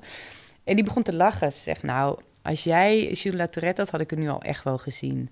Maar die kon ook verder niks vinden. En toen moest ik nog een keer een scan doen. En toen waren de gegevens weg. En ja, dan ben je ook moe. En je bent een beetje klaar met zoeken. Ben ik ook niet meer teruggegaan, moet ik eerlijk zeggen. Tot ik op een gegeven moment bij een neuropsycholoog kwam. En dat was een oud bokser geweest. eh, Erik Matser. En die zei tegen mij, zeg, ja, jij bent overtraind. Zeg ik, ik zeg, overtraind? Ik zeg, hoezo overtraind? Ik zeg, je kan toch... Ik denk, overtraind ben je zes weken. Ik zeg, dan ben ik al meer dan tien jaar overtraind. Ik zeg, dat kan toch niet? En toen keek hij me zo aan en zei, nou ja, blijkbaar wel. En dat was eind 2012, dus ook net in Japan gaan vechten. Toen werd ik ook gevolgd door Victor Vroeg in de Wei. Die heeft nog een, een eh, videoclip gemaakt. Zie je mij echt alleen maar geel-grijs in dat trainingskamp in Thailand. Is dat niet dat je met Roemer op die, eh, Ja, op die ja. motor zit? Zo Ja. Mooi, mooi filmpje. Ja, die is, en hij maakt ook de docu. Oh. Ja, dus het wordt echt heel dik. En, ehm, Er wordt een docu over jou gemaakt nu. ja, Oké. en eh, dat door diezelfde man. Daarom had ik ook zoiets van, ja, vertrouw ik wel, dat komt wel goed. Ja. En ehm, even kijken, ik was bij Strak van Scheidel. Die vermoeidheid. Stuk overtraind, Erik Matses, en die vertelde Ja, jou, je met- bent oh, eh, ja. al blijkbaar tien jaar tien jaar. overtraind. Ja, ja, dat kan dus blijkbaar. En dat wist ik niet. Dus ik heb al, in mijn hele carrière heb ik naar een pilletje gezocht. En daarom ben ik, ben ik dan al... Echt, ik heb ook natuurtherapie, al die dingen gedaan. Dan zat ik met, eh, met van die koperen buisjes eh, op een stoel. En dan gaan er allemaal trillingen door je heen. en, Eh, eh, die eh, ik heb alles gedaan. bioresonantie. Ja, Is, is dat ook niet wat eh, Scientology doet? Je hebt toch ook Nee, zo'n die- EMP daar meter ben ik nog net niet naartoe nee, ja, ik heb vaak eh, bioresonantie gedaan. Dat heeft me erg positief geholpen. Voor Ja, dat Ja, mij ook. Maar het heeft ja. me niet van mijn vermoeidheid afgeholpen. Dat kan me wel, eh, Dus ja, ik heb mijn lichaam kapot gemaakt. Ja, want je zei het daarnet al. ehm, in die hele aanloop, als je nu naar een vechter kijkt die, eh, die gewicht moet halen... of eh, die in voorbereiding zit op een kamp... die heeft gewoon een, team aan professionals om zich heen lopen. De ene is expert in fysiotherapie, de andere is expert in cardio... en weer een ander is een boksen uh, Ja, worstelcoach, Ja, headcoach. Jullie hadden echt, vooral de wedstrijd jongens toen... You had no idea. Nee. Je wist niet wat je moest doen. Kracht en conditie. Je deed eigenlijk alleen maar ja, sparren. Dat was je kracht en De conditie. eerste keer dat ik tegen Cyborg vocht, had ik bijna geen kracht en conditie gedaan. Nou, dat heb ik geweten. Ja. Weet je, dus ja, dat, dat, maar zo, kijk, ik heb het voordeel is, ik heb alles verkeerd gedaan wat je maar verkeerd kan doen. Extremer dan wie dan ook. Mhm. Wie er nou tien jaar overtraind en gaat nog steeds door, hè? Gewoon shake het op de mat liggen en je gaat door. Dus ik heb ook heel veel kennis waar ik heel veel mensen mee kan helpen. Ja. En, en ook gewoon, hè, wat ik zei over je gevoelens niet erkennen en je emoties niet erkennen en maar hard doen en maar doorgaan. En dat, dat zijn dingen die je ook buiten de vechtsport eh, heel goed kan gebruiken. Ja. Ik Als je... Ja, sorry. Ik herken er wel wat in, in de zin van eh, dat je discipline en je doorzettingsvermogen, die kan je op de juiste manier gebruiken en die brengt je dan waar je bent. Maar het kan ook omslaan in een soort van masochisme waar je zelf, eh, waar je niet om hulp vraagt, waar je eh, ja, inderdaad jezelf kapot traint, wat dan Ja. ook. Ja. In hoeverre is dat ook een beetje ingegeven, toch wel ook door je omgeving? Want, eh, want je kwam wel binnenlopen in een cultuur van, hé, niet piepen, weet je Ja. lullen maar poetsen. Ja, Ook, nou ja, dat was op de gym natuurlijk sowieso. En, eh, en van huis uit ook. Maar mijn ouders hebben me ook echt wel getracht te stoppen. Maar de- ik had zo'n... Ik was niet te stoppen. Ik, was gewoon, ik had zo'n drang en zo'n vuur in me... dat ik zelfs helemaal naar de kloten... Echt, dan had ik getraind en dan, dan kwam ik thuis... en dan lag ik gewoon echt serieus... gewoon na 15, 20 minuten lag ik alleen maar zo... Bam, bam, bam, en gillen erbij. En dan kwam er een huilaanval... en dan lag ik de, nou, minimaal twee uurtjes denk ik... verdoofd op de bank. Wauw. En, en de energie die ik had, zeg maar een batterij die voor een derde vol zat, die ging heel snel leeg. Mm. En daarom, ik heb al sociale dingen. Ik was echt, eh, ik zoveel dingen laten verwateren. Want ik had alleen maar energie om te trainen. Die had ik eigenlijk al niet. Voor de rest heb ik helemaal geen energie. Hmm. Dus ja. En nergens in dit verhaal heb jij gedacht... oké, maar nu ben ik mezelf echt structureel aan het stuk heb- maken... en nu moet ik misschien toch maar slim gaan doen. Nou ja, ik heb op één, één keer heb ik volgens mij drie jaar... want er waren ook heel veel meisjes die niet tegen mij wilden vechten. Dus op een gegeven moment had ik volgens mij iets van drie jaar geen partijen. Maar ik ben in die drie jaar wel gewoon doorgegaan met trainen. Ik had... ja, ik had ook wel andere mensen in mijn omgeving, los van mijn ouders, die wel even hadden mogen zeggen: Jij komt gewoon even twee jaar niet op de gym. Of je komt een half jaar niet op de gym. Interesseert me niet, jij komt niet. Mhm. Maar ja, die hadden die kennis ook niet. Nee, maar wist het Nee. niet. Dus ik kan het ook niet kwalijk nemen. Ze wisten het inderdaad gewoon niet. Ja. Hmm. Ja, als je iemand shakert op de mat hebt liggen, dan weet je wel dat wat aan de hand is. En soms moet je dan ook Ja, wel zeker. Ja, ja, het klinkt ergens ook wel als ik het hoor, denk ik, ja, oeh, is wel heftig. Dat, eh, Ja, zeker. Ja. Wanneer heb je leren, want je hebt het over eh, leren voelen. Wanneer heb je leren voelen? Nou, dat is een ongoing process. Dus ik ben erachter, ik ben een heel gevoelig iemand. Mhm. En dat, dat wist ik helemaal niet. Ik was, ik, natuurlijk, kijk, als je jong bent, weet je sowieso niet wie je bent. Ik wist ook helemaal niet dat ik heel creatief in mijn denken was. Want mijn idee van creativiteit was eh, een vader die heel goed kan tekenen en een broer die kunstenaar is. Dat was het maar. Je kan op zoveel manieren creatief zijn. En Mhm. Ehm, zwart-wit, ik had helemaal geen idee dat ik heel zwart-wit was. Nou, als iemand wel zwart-wit is, ben ik het. Maar ik probeer dat nu ook zeg maar wat meer te laten gaan en wat minder heftig te reageren. En ehm, ja, dat zijn allemaal processen. Ja, want je, je hebt nu natuurlijk een, eh, een mooie gym eh, samen met Roemer in Amsterdam. R-Grip, Strongman, mooi logo, snorretje erbij. Ik zag laatst een leuke foto van Roemer voorbij komen... waarbij die soortgelijke snor had. Helemaal Ja, top. ja, ja, Ja. Dat was vorig jaar, was voor een, van een tentoonstelling. En ehm, je hebt nu natuurlijk de kans daar om alles wat je hebt opgepikt mee te nemen in je huidige lessen. Nou, je zegt, ik, ik bereid... eh, Eigenlijk trainen we niemand, helemaal niemand in jullie gym... eh, die naar wedstrijden Nee, toe? Roemer wel. Nee, we, wel, we- ja, we hebben genoeg wedstrijdvechters. Alleen ik zelf wil dat niet. Ik ga, ik ga mijn tijd niet... Kijk, wat ik heb gezien is... Er zijn maar weinig vechters die loyaal zijn. Mhm. En, ehm, en dat heb ik zelf ook wel meegemaakt. Hoor. Als je wat bereikt, komen er ineens heel veel mensen op je af... die heel graag je vriend willen zijn. En je gouden bergen beloven. En dan moet je wel een hele sterke band hebben... en sterk in je schoenen staan. Wil je gewoon bij je team blijven. En dat, dat zie je gewoon bij alle vechters. Die Ja. gaan als ronins Hmm. langs, langs gyms. En eh, kijk, ik denk dat wat ik heb geleerd, dat, dat, eh, dat wil ik gewoon breder inzetten. Ik wil het niet alleen eh, op één iemand focussen. Nee. gewoon, eh, waar we het in het begin over hadden, dat is natuurlijk ook een proces geweest. Ik zie gewoon hoe vrouwen eh, geen vertrouwen in zichzelf en in hun lichaam hebben. En dat is wel echt mijn missie. En één keer per, we- per maand, heb ik- dat is dan mijn vrijwilligerswerk, geef ik les aan vrouwen uit de crisisopvang. Hm. Eh, ik, maar ik zet een netwerk op voor vrouwen. Dat is weer het andere einde van het spectrum van, hè, vanuit de media en business. Waarbij ik ook wil dat zij ambassadeurs gaan worden van de vechtsport. Omdat als zij die boodschap gaan uitdragen... Heel veel mensen denken, ja, die Koenen, dat is extreem. En oh, d- niemand zoals haar. Alleen, ik ben natuurlijk heel normaal, maar dat weet zij niet. Maar als andere vrouwen die ook wat bereikt hebben op bepaalde gebieden gaan vertellen... hé, ja, nee, ik doe een vechtsport. Dus eh Dione de Graaf laatst op nu.nl. Ik train MMA. Ja. Dat, dat moet er gebeuren en dan wordt de sport ook meer erkend. En waarom ik het zo belangrijk vind dat de sport erkend wordt als sport... en dat het mainstream wordt... is omdat meisjes dan de kans krijgen zich te ontwikkelen...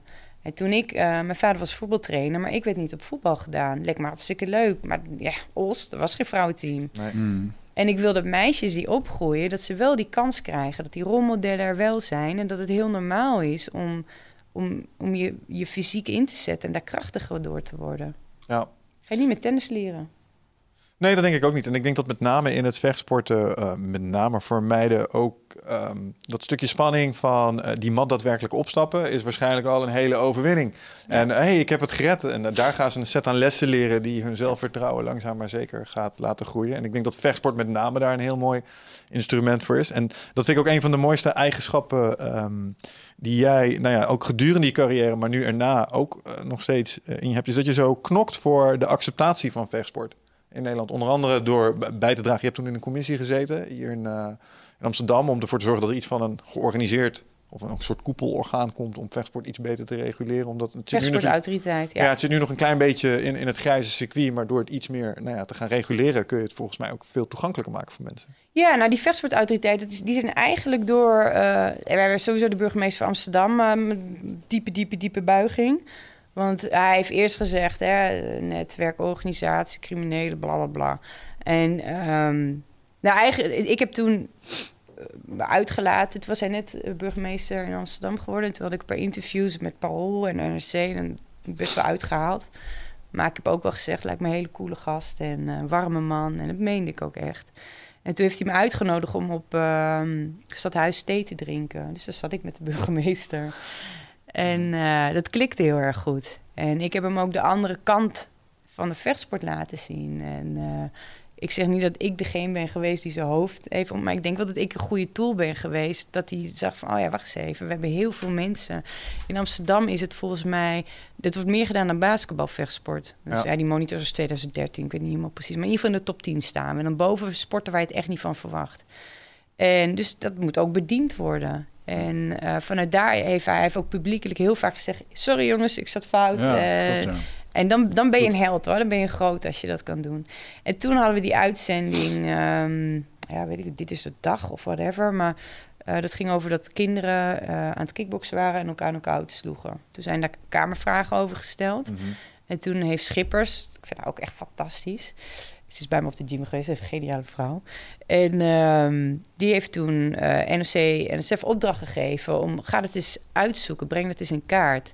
Nou hou ik nogal van eten as you know. Mm -hmm. En uh, dus bij, het eerste, uh, bij de eerste vergadering bij mij op de gym had ik dus de hele tafel vol met eten staan. Het was gewoon gezellig en lekker kletsen. Dus ze dachten, nou, bij die Koen is het wel leuk op de gym. Dus we hebben heel vaak, nou in ieder geval vaker vergaderingen gehouden. Ja. En ik ben nog een bemoeial. Dus uh, als ik één keer vast heb, laat ik niet meer los. Aha. En uh, dus zo ben ik ook in die... Uh, nou, we zijn in de, in de raad met de burgemeester van Amsterdam, van Enschede enzovoort. Dus ik ook, Ernest de Hoos zat erbij... Bas Pijnenburg, Maarten van Bottenburg, de onderzoeker. En uh, vanuit die stuurgroep zijn er allemaal verschillende commissies opgericht... die allemaal deelaspecten zijn gaan onderzoeken. Toen is er een conferentie gekomen, nou, enzovoorts. En nu zijn we, nou, ik denk twee, drie jaar later. En nu is het echt opgericht. Mm -hmm. En um, ze zijn denk ik uh, twee maanden geleden officieel bij de notaris geweest... En ik verwacht dat de eerste producten ook sneller... Hè, het wedstrijdboekje, digitaal en dat soort dingen, die gaan er komen... Mm. En um, ik ben er niet meer bij betrokken. Af en toe stuur ik nog wel een mailtje. Mm -hmm. heb ik iemand. Maar ik denk dat het een heel mooi um, moment is. Zeker ook als je kijkt naar Spike Nederland. Die willen echt gaan inzetten op, uh, op vechtsport. En dat doen ze nu al, maar dat willen ze nog veel meer gaan doen. Mhm. Maar ze willen ook zeg maar verantwoordelijkheid nemen. Dus dat MVO-stukje. Nou, en ik denk dat die twee dingen heel mooi samen kunnen gaan. En uh, als het aan mij ligt, ik zeg niet dat het gaat gebeuren, ik zeg niet dat die twee partijen dat gaan doen, maar je hebt bijvoorbeeld een opleiding voor professioneel voetballer. Mhm. En die jongetjes van Ajax die doen daarmee. Nou, wat nou als we ook een opleiding bij het ROC doen voor professioneel vechter? Voor zowel kickbox als MMA. Ja. En daar zitten allemaal deel. Je hebt een soort van algemeen deel. En dan kun je blokken, die, die dan met de vechtsport te maken. En dan heb je nog individuele blokken. Mhm. Stel je voor dat, uh, dat die kinderen dat gaan doen. Kinderen die eigenlijk het liefst vechtsporter willen worden. Maar we trainen ze ook op communicatie. Want je moet eh, misschien ook in een podcast gaan zitten. Maar ook uh, over voeding. Nou, stel dat ze geen vecht, uh, professioneel vechter worden. Dan hebben ze wel die basis van waaruit ze, weet ik veel, beveiligen kunnen worden. De media in kunnen gaan. CEO's trainen kunnen worden. Mhm. Ja. En ik denk ook dat dat soort dingen heel erg gaat helpen bij het mainstream krijgen van onze sport. Ja. Denk je dat in dat opzicht er, uh, want uh, als je kijkt naar waar de centjes worden verdiend momenteel met vechtsport, allemaal in het buitenland. Het kon een tijdje geleden een beetje in Nederland, misschien tien jaar geleden, maar die tijden zijn inmiddels wel een beetje geweest, denk ik. Hoe, zie je dat? Is dat iets wat nog weer, want er zijn minder gala's, gages werden minder, weet je wel. Um, gaat dat nog weer terugkomen? Dat je als een Nederlandse vechter hier echt kan opklimmen binnen de ranken en, en een boterham in Nederland kunt verdienen met, met je sport? Ja, kijk, echt boterham verdienen was natuurlijk alleen in Japan. En, en, en, heel veel mensen lopen altijd te schelden op Canna en uh, Casa Rosso. Nou, ik dank die mensen vanuit de grond van mijn hart, want die hebben heel veel vechters. Dit vergt wat uitleg voor de luisteraars. Als je vroeger oh. op een uh, vechtsportgala oh, kwam, ja. dan hing boven de ring heel vaak een groot scherm. En daar stond Canna op. En dat was een ja. leverancier van uh, grootproducten voor de hennepteelt. Ja. Uh, en Casa Rosso, en dat is een hoerenhuis. En dat waren de hoofdsponsoren van de avond. Ja. En, en wij hadden altijd zoiets van, ja, je komt nooit uit het verdomhoekje als dit je sponsoren blijven. Nee, maar tegelijkertijd zeg jij als ze er niet waren geweest. Ja, we, we, en, dat, en dat mag echt wel gezegd worden. Ik zeg het wel vaker. Die mensen die hebben gewoon de sport gedragen. En dat doen ze volgens mij nog steeds. Ja, ik ben er nooit door gesponsord, helaas. Maar het zijn niet alleen de sponsoren. Eigenlijk zijn het ook gewoon de criminelen die voor 10.000 euro een VIP-tafel kochten. Nou, die kannen en de Casarossen sowieso niet. Die hebben gewoon, ik weet dat Die hebben gewoon een le- legitieme individuele sporters die sponsoren dus. hè. Ah, Rodney van Veer is volgens mij Ja. full, gewoon fulltime Ja. betaald door eh de Ja. Casa Rosso en zo. En, eh, ja, zeker wel. En ja, Bob, en door kijk, Canna. en, en, en wat voor mij zo belangrijk is, is dat los van het geld verdienen. ehm, en ik heb nu de hele tijd over vrouwen, maar ik bedoel, Roemer werkt ook met kinderen die gepest zijn, die weerbaar moeten worden. Of mensen die eh, moeten reïntegreren, die op alle. Dus hoe, en je gaat het echt niet met volleybal vinden. En waarom is dat zo? Op het moment dat je elkaar aanraakt in de één op één situatie, ontstaat er een band. En als je dat doet in een omgeving waarin je je kwetsbaar voelt, dan gaan er al wat laagjes af. Je raakt elkaar fysiek aan. Dat is een communicatie die je niet met woorden vindt.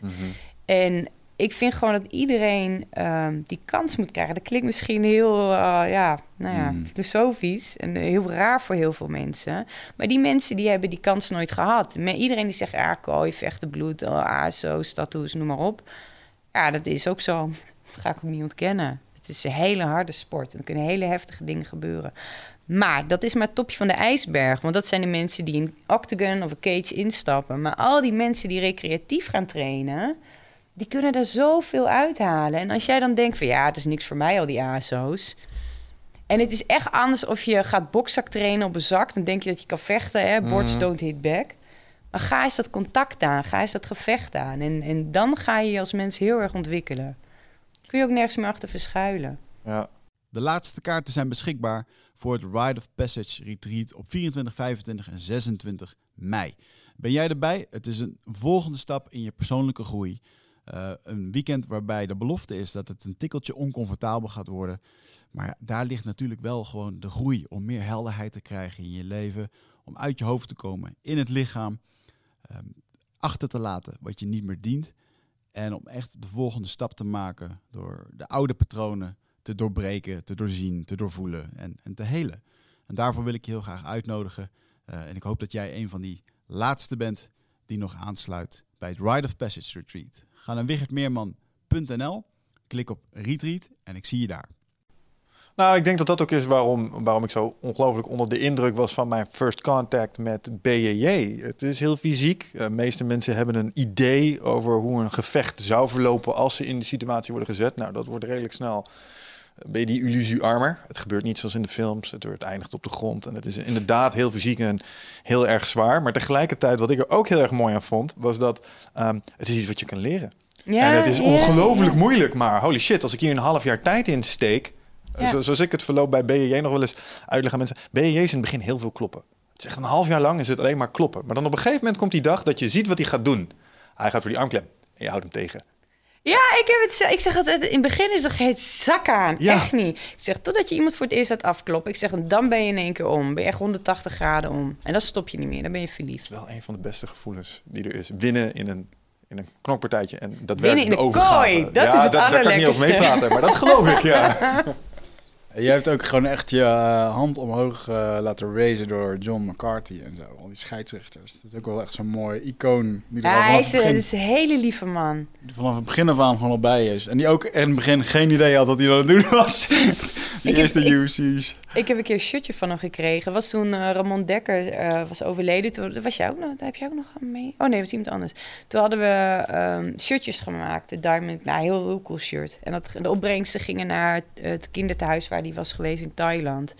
En eh, John McCartney die vroeg aan mij of hij ook zo'n shirt mocht hebben. Ah. Dus toen hebben we shirts opgestuurd. En toen vocht ik voor, nog voor Invicta.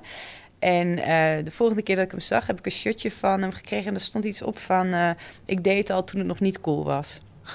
Hij zei, en toen zei hij erbij, zeg maar, jij verdient het. Toen dacht ik echt, oké, de wereld mag nu neervallen. Interesseert me niet. Ik, eh, Mooi. ja, ik heb een Ja. schouderklopje gehad van hem. Maar dat is wel grappig dat je dat zegt. Want Marloes is natuurlijk, want je hebt het nu over Big John. En ik hoorde dat straks Don Fry. Dat zijn natuurlijk allemaal iconen voor ons daar geworden. maar, maar, kijken, die, man. maar die status heb je in dat opzicht zelf natuurlijk ook. Je vecht al 17 jaar gewoon. Ik ben met pensioen Ik ben in maart met pensioen gegaan. Ja, ik vecht het- niet meer. Maar eh, Ja. 17 jaar, die man, ik, joh, ik zat daar gisteren nog naar te kijken. Bij Mike Zimmer was het weer eh, woensdag spaardag. En dan zit ik ernaar te kijken.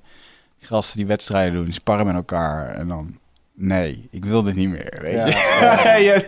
Gewoon 17 Ja, jaar voor je beroep, weet je. Ja, maar je hebt ook eh, je hebt trainen en trainen. Je hebt intelligent trainen en je hebt gewoon beuken. Nou ja, ik kijk dan en- even naar het uiterste, naar de wedstrijd, de spaargroep. Dat, Ja, maar zelfs de- daarin moet je intelligent trainen. Hmm. Het heeft, eh, dit, je moet je wil op, je- ah, op je zeventigste wil je ook nog twee woorden achter elkaar kunnen zeggen. Ja, mm, mm. En heel veel mensen die denken vechten is incasseren, maar vechten gaat ook over vechtafstanden, over uitlokken, over uit de lijn stappen. En op dat gebied heb ik heel veel van Roemen geleerd, want die komt natuurlijk uit taekwondo. Dus daar weet je alles van afstanden. Mm. En ehm, je ziet ook bij, op een gegeven moment, een paar jaar geleden was eh, ehm, AKA Gym, dat was heel veel in eh, Californië, was heel veel kritiek op, omdat zij dan nog zo oldschool hard sparren. Nou, dat is waarschijnlijk niks vergeleken bij wat we in Nederland in de gemiddelde Thai-boxschool doen. Maar zeggen. Ja. Maar als je weet dat je hersenen eh, minimaal, minimaal tot je 23ste ontwikkelen, misschien nog wel tot je 30ste. Als je het verhaal weet van wat er nu in de NFL gebeurt met al die, gasten. ja, die dan Ja. bij autopsie pas blijkt dat ze die ziekte hebben gehad. Dan denk ik, ja, we moeten in Nederland wel. eh dus echt nog, daarom is het goed dat die vechtsportautoriteiten komt.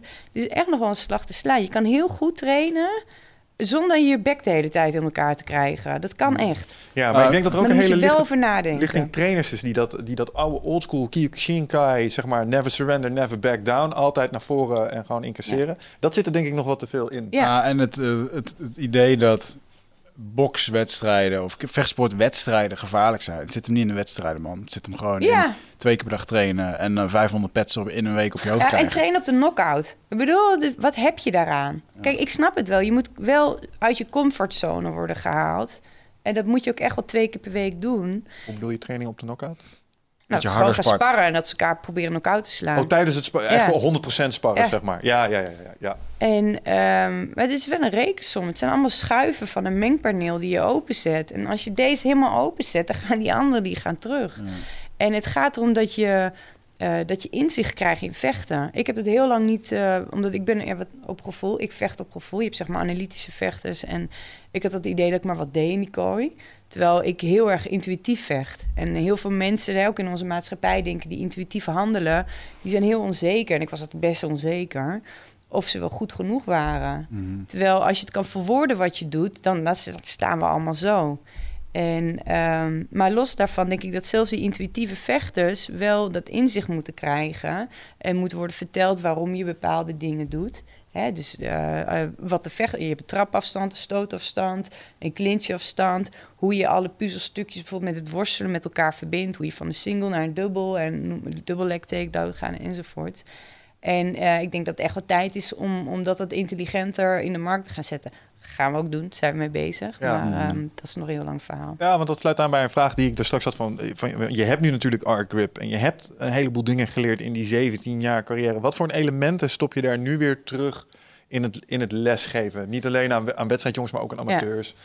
Nou ja, kijk, we zijn nu... ehm Roemer, die heeft altijd... Omdat ik natuurlijk altijd te moe was. De enige energie die ik had, was om te trainen. En die had ik eigenlijk al niet. Dus de gym werd eigenlijk voornamelijk door Roemer gerund. En wij vonden het wel best zo. Er kwamen genoeg mensen en wij wilden vooral niet te groot worden. Omdat, ja, wie moet het dan gaan doen? Ik kon het niet gaan doen. Mhm. En nu zijn we dus op het punt dat we heel langzaamaan gaan we professionaliseren. En ik heb allemaal ideeën. Daar was ik vandaag ook iets aan de late kant, omdat ik met iemand aan het werk was. En, dat is heel leuk en heel enthousiast. Daar kan ik nu nog niet te veel over gaan zeggen. Maar al waar ik het net over had, over intelligent sparren, over, ehm, over weerbaarheid, over persoonlijke ontwikkeling. Dat, dat gaat, daar ga ik mee aan de slag. En dat, dat kan misschien nog wel even duren, maar dat gaat niet heel erg lang duren. Gaaf. Ja. Ja, want we, hadden het, eh, we hebben het nu een beetje gehad over de fysieke zaken. Een van de dingen waar je al een paar keer op bent teruggekomen... is dat eh, de lessen uit vechtsport zijn, eh, zijn in dat opzicht levensoverstijgend... en hebben op alle onderdelen van het leven een transfer. Ik ben wel even benieuwd. Wat zijn echt belangrijke mentale lessen... ehm, die jij hebt meegenomen uit je vechtcarrière? Ja, je kan meer dan je denkt. En ehm, heel veel mensen die hebben een bepaald idee van. Tenminste, dat had ik zelf heel erg van. Nou, oké, eh, ik heb twee oudere broers, ik ben een meisje. Ehm, ik heb VWO gedaan, dan ga ik universiteit doen. Dan ga ik op kantoor werken, dan vind ik een man. Dan ga ik twee kinderen krijgen, twee ouders voor de deur, drie keer per jaar op vakantie. En dat is mijn leven. Dus ik had het al heel erg ehm, uitgedacht. Nou, toen ineens kwam daar het lot, hoe weet ik hoe je het wil noemen. En werd ik wereldkampioen op mijn negentiende. En werd mijn hele wereld eh, omgegooid. En ik heb heel erg lang naar die identiteit moeten zoeken. Want ik had dan een bepaalde identiteit in mijn hoofd. Van dit is wie ik ben. En uh, bijvoorbeeld, ik zei, ik, ik, wist niet dat ik creatief was. Dat weet ik pas sinds nou ja, een jaar of acht of zo, weet je. Dat mm. was, was, ik helemaal niet mee bezig. En dus je moet ook, dat is één ding. Een ander ding is, um, onderga maar. Dus wees niet bang, wees, de angst voor de angst. Dat is mhm. eigenlijk je grootste vijand. Onderga het maar. Dan kom je er echt achter dat je meer kan dan je denkt. En ik vergelijk het een beetje met een soort van pijnbibliotheek en een angstarchief. Mhm. Hoe vaak je die ervaringen hebt en ondergaat, hoe meer je in je rugzak stopt en hoe makkelijker je ook daarmee je weg erin kan vinden. Dus alles wat dan op je afkomt, begin je te herkennen. En ik zeg ook vaak van, stel bijvoorbeeld, neem drie, uh, drie waarden, die, drie vragen. Dan maakt niet uit wat er op je afkomt. En dan leg je het langs die meetlat. En is het ja, oké, gaan we door naar de volgende. Is het nee, dan is het voorbij. Is het ja, dan gaan we door naar de volgende. Is het nee, is het voorbij. Is het ja, oké, dan ga je het doen. En op die manier kun je heel erg goed structureren met alle informatie en vragen en verzoeken die op je afkomen. Mhm. En nou, zo zijn er heel veel, heel veel dingen die, uh, en die komen allemaal in mijn boek, die... Uh... Maar even docu, boek, ja. komt een boek, ja? En die komt, die komt in najaar uit bij Bruna. Dus daar ben, zijn we nu mee bezig. Dus ik wil niet al te veel nog... Uh, maar dat zijn wel dingen die erin voorkomen. Helemaal zelf getikt? Ja, nou, ik heb een ghostwriter. Dat is Arjan Visser. Fantastische man. En, uh, maar een paar dingen mag ik zelf schrijven, want ze verwacht natuurlijk niet dat ik vechten kan schrijven. Maar ik heb, de, uh, ik heb drie hoofdstukken over training, voeding en rust. Die heb ik zelf gedaan. Maar daar gaat Arja natuurlijk wel weer overheen dat het mm. lekker loopt. En, uh. Maar daar, gaat, ja, daar heb ik het ook bijvoorbeeld over voelen. En, en ja, zo zet ik heel veel dingen af. Het ook een stukje over emancipatie komt er natuurlijk in. En ja. een beetje waar ik nu aan, aan tip. Als je de neus voelt kraken, dan moet je gewoon hard erachteraan peken. moet je nog een keer Dat is, het, dat is het, de mate van voelen wat je moet doen, ja. Mooi. En uh, we hadden het net eventjes over uh, het stukje sparren. Heb jij wel eens buiten je moeheid en de dingen die je daarna ervaren na een zware training... heb je wel eens bij jezelf gedacht van... Uh, mijn brein heeft hier ergens schade opgelopen? Ja. Ik heb twee keer in een training een hersenschudding opgelopen... En uh, de eerste keer had ik het niet door, want ik was met een jongen aan het sparren. Die was 80 kilo en die sloeg iedereen ook oud mm. in de wedstrijden. En die herkende, kende zijn eigen kracht niet. En die dacht, oh, daar staat Marloes Koenen. Nou, oeh. En toen kreeg ik een hoek achter mijn oor en het deed echt pijn. Ik viel niet neer, want ik kan behoorlijk klappen hebben. Maar toen liep ik later op de Kinkerstraat in Amsterdam... en de geluiden van de auto's die waren naar en het licht was te fel... en toen dacht ik, hé, hey. toen heb ik ook die neuropsycholoog heb ik even contact mee opgenomen. Hij zei, nou, je hebt waarschijnlijk een lichte hersenschudding. Heb ik heel goed rust genomen, omdat ik weet hoe gevaarlijk het is. Echt heel veel geslapen en dat soort dingen. En, uh, maar ik merkte wel, als ik daarna een harde tik kreeg, dat ik sneller hoofdpijn had. Ja. En toen, even kijken, was dat ja, vorig jaar. Toen zou ik tegen Julia Butt vechten. En in die... Uh, aanloop van het trainingskamp. Toen shoot een jongen, nou die was ook iets van 85 kilo. Die shootte met zijn hoofd tegen mijn slaap aan. En dat was weer een uh, lichte hersenschudding. En um, toen had ik de keuze, want het zou mijn laatste partij zijn. Dat, dat communiceerde ik niet, maar dat wist ik al. Mm -hmm. uh, twee weken van tevoren zei mijn vrouw af. Maar dat wist ik toen nog niet. Dus toen heb ik eigenlijk het hele trainingskamp... heb ik niet zoveel hardstaand gespart. Maar ik heb wel gegrappeld en zo. Ik dacht, ja, ik gok het erop. Ik wil ja. één keer wereldkampioen worden. En dan, uh, dan neem ik die schade nu even voor die. was niet zo heel erg verstandig. Maar, nee, dat is achteraf. Ja. ja. Dus, en sindsdien merk ik wel, als ik een tik krijg, dan... Uh, dus ik wil, ik wil geen harde klappen meer op mijn hoofd. Die heb ik genoeg gehad. Ja, ja, ja. Hoe heb je dat ervaren met, uh, dat is natuurlijk een veel besproken iets. Als je een fan bent van de versport, dan heb je ongetwijfeld van uh, Cyborg uh, gehoord. De vrouw, die, we hadden het straks over middelen gebruiken om, om groter en sterker te worden. Nou, ik denk dat Cyborg het voorbeeld is van hoe een vrouw bijna een man kan zijn qua kracht. Ja. En flink aan de pets gezeten volgens mij. En, nou, dus ook op het trap twee keer. Ja, precies. Dus ook dat. Um, maar nu is ze dan een soort van clear. En uh, ja, er zijn ook gewoon een Nederlandse vechter, Jermaine, die gewoon heeft gezegd van... joh, ik ga hier gewoon niet tegen vechten in, uh, in Amerika. Wat ik al best wel een dappere beslissing vind. Ja. En ook als je dat durft uit te spreken. Ja. Je kunt het ermee eens zijn of niet. Um, maar hoe heb jij uh, die partij met, uh, met haar ervaren? Als daar een... eh, Eh, licht traumatisch.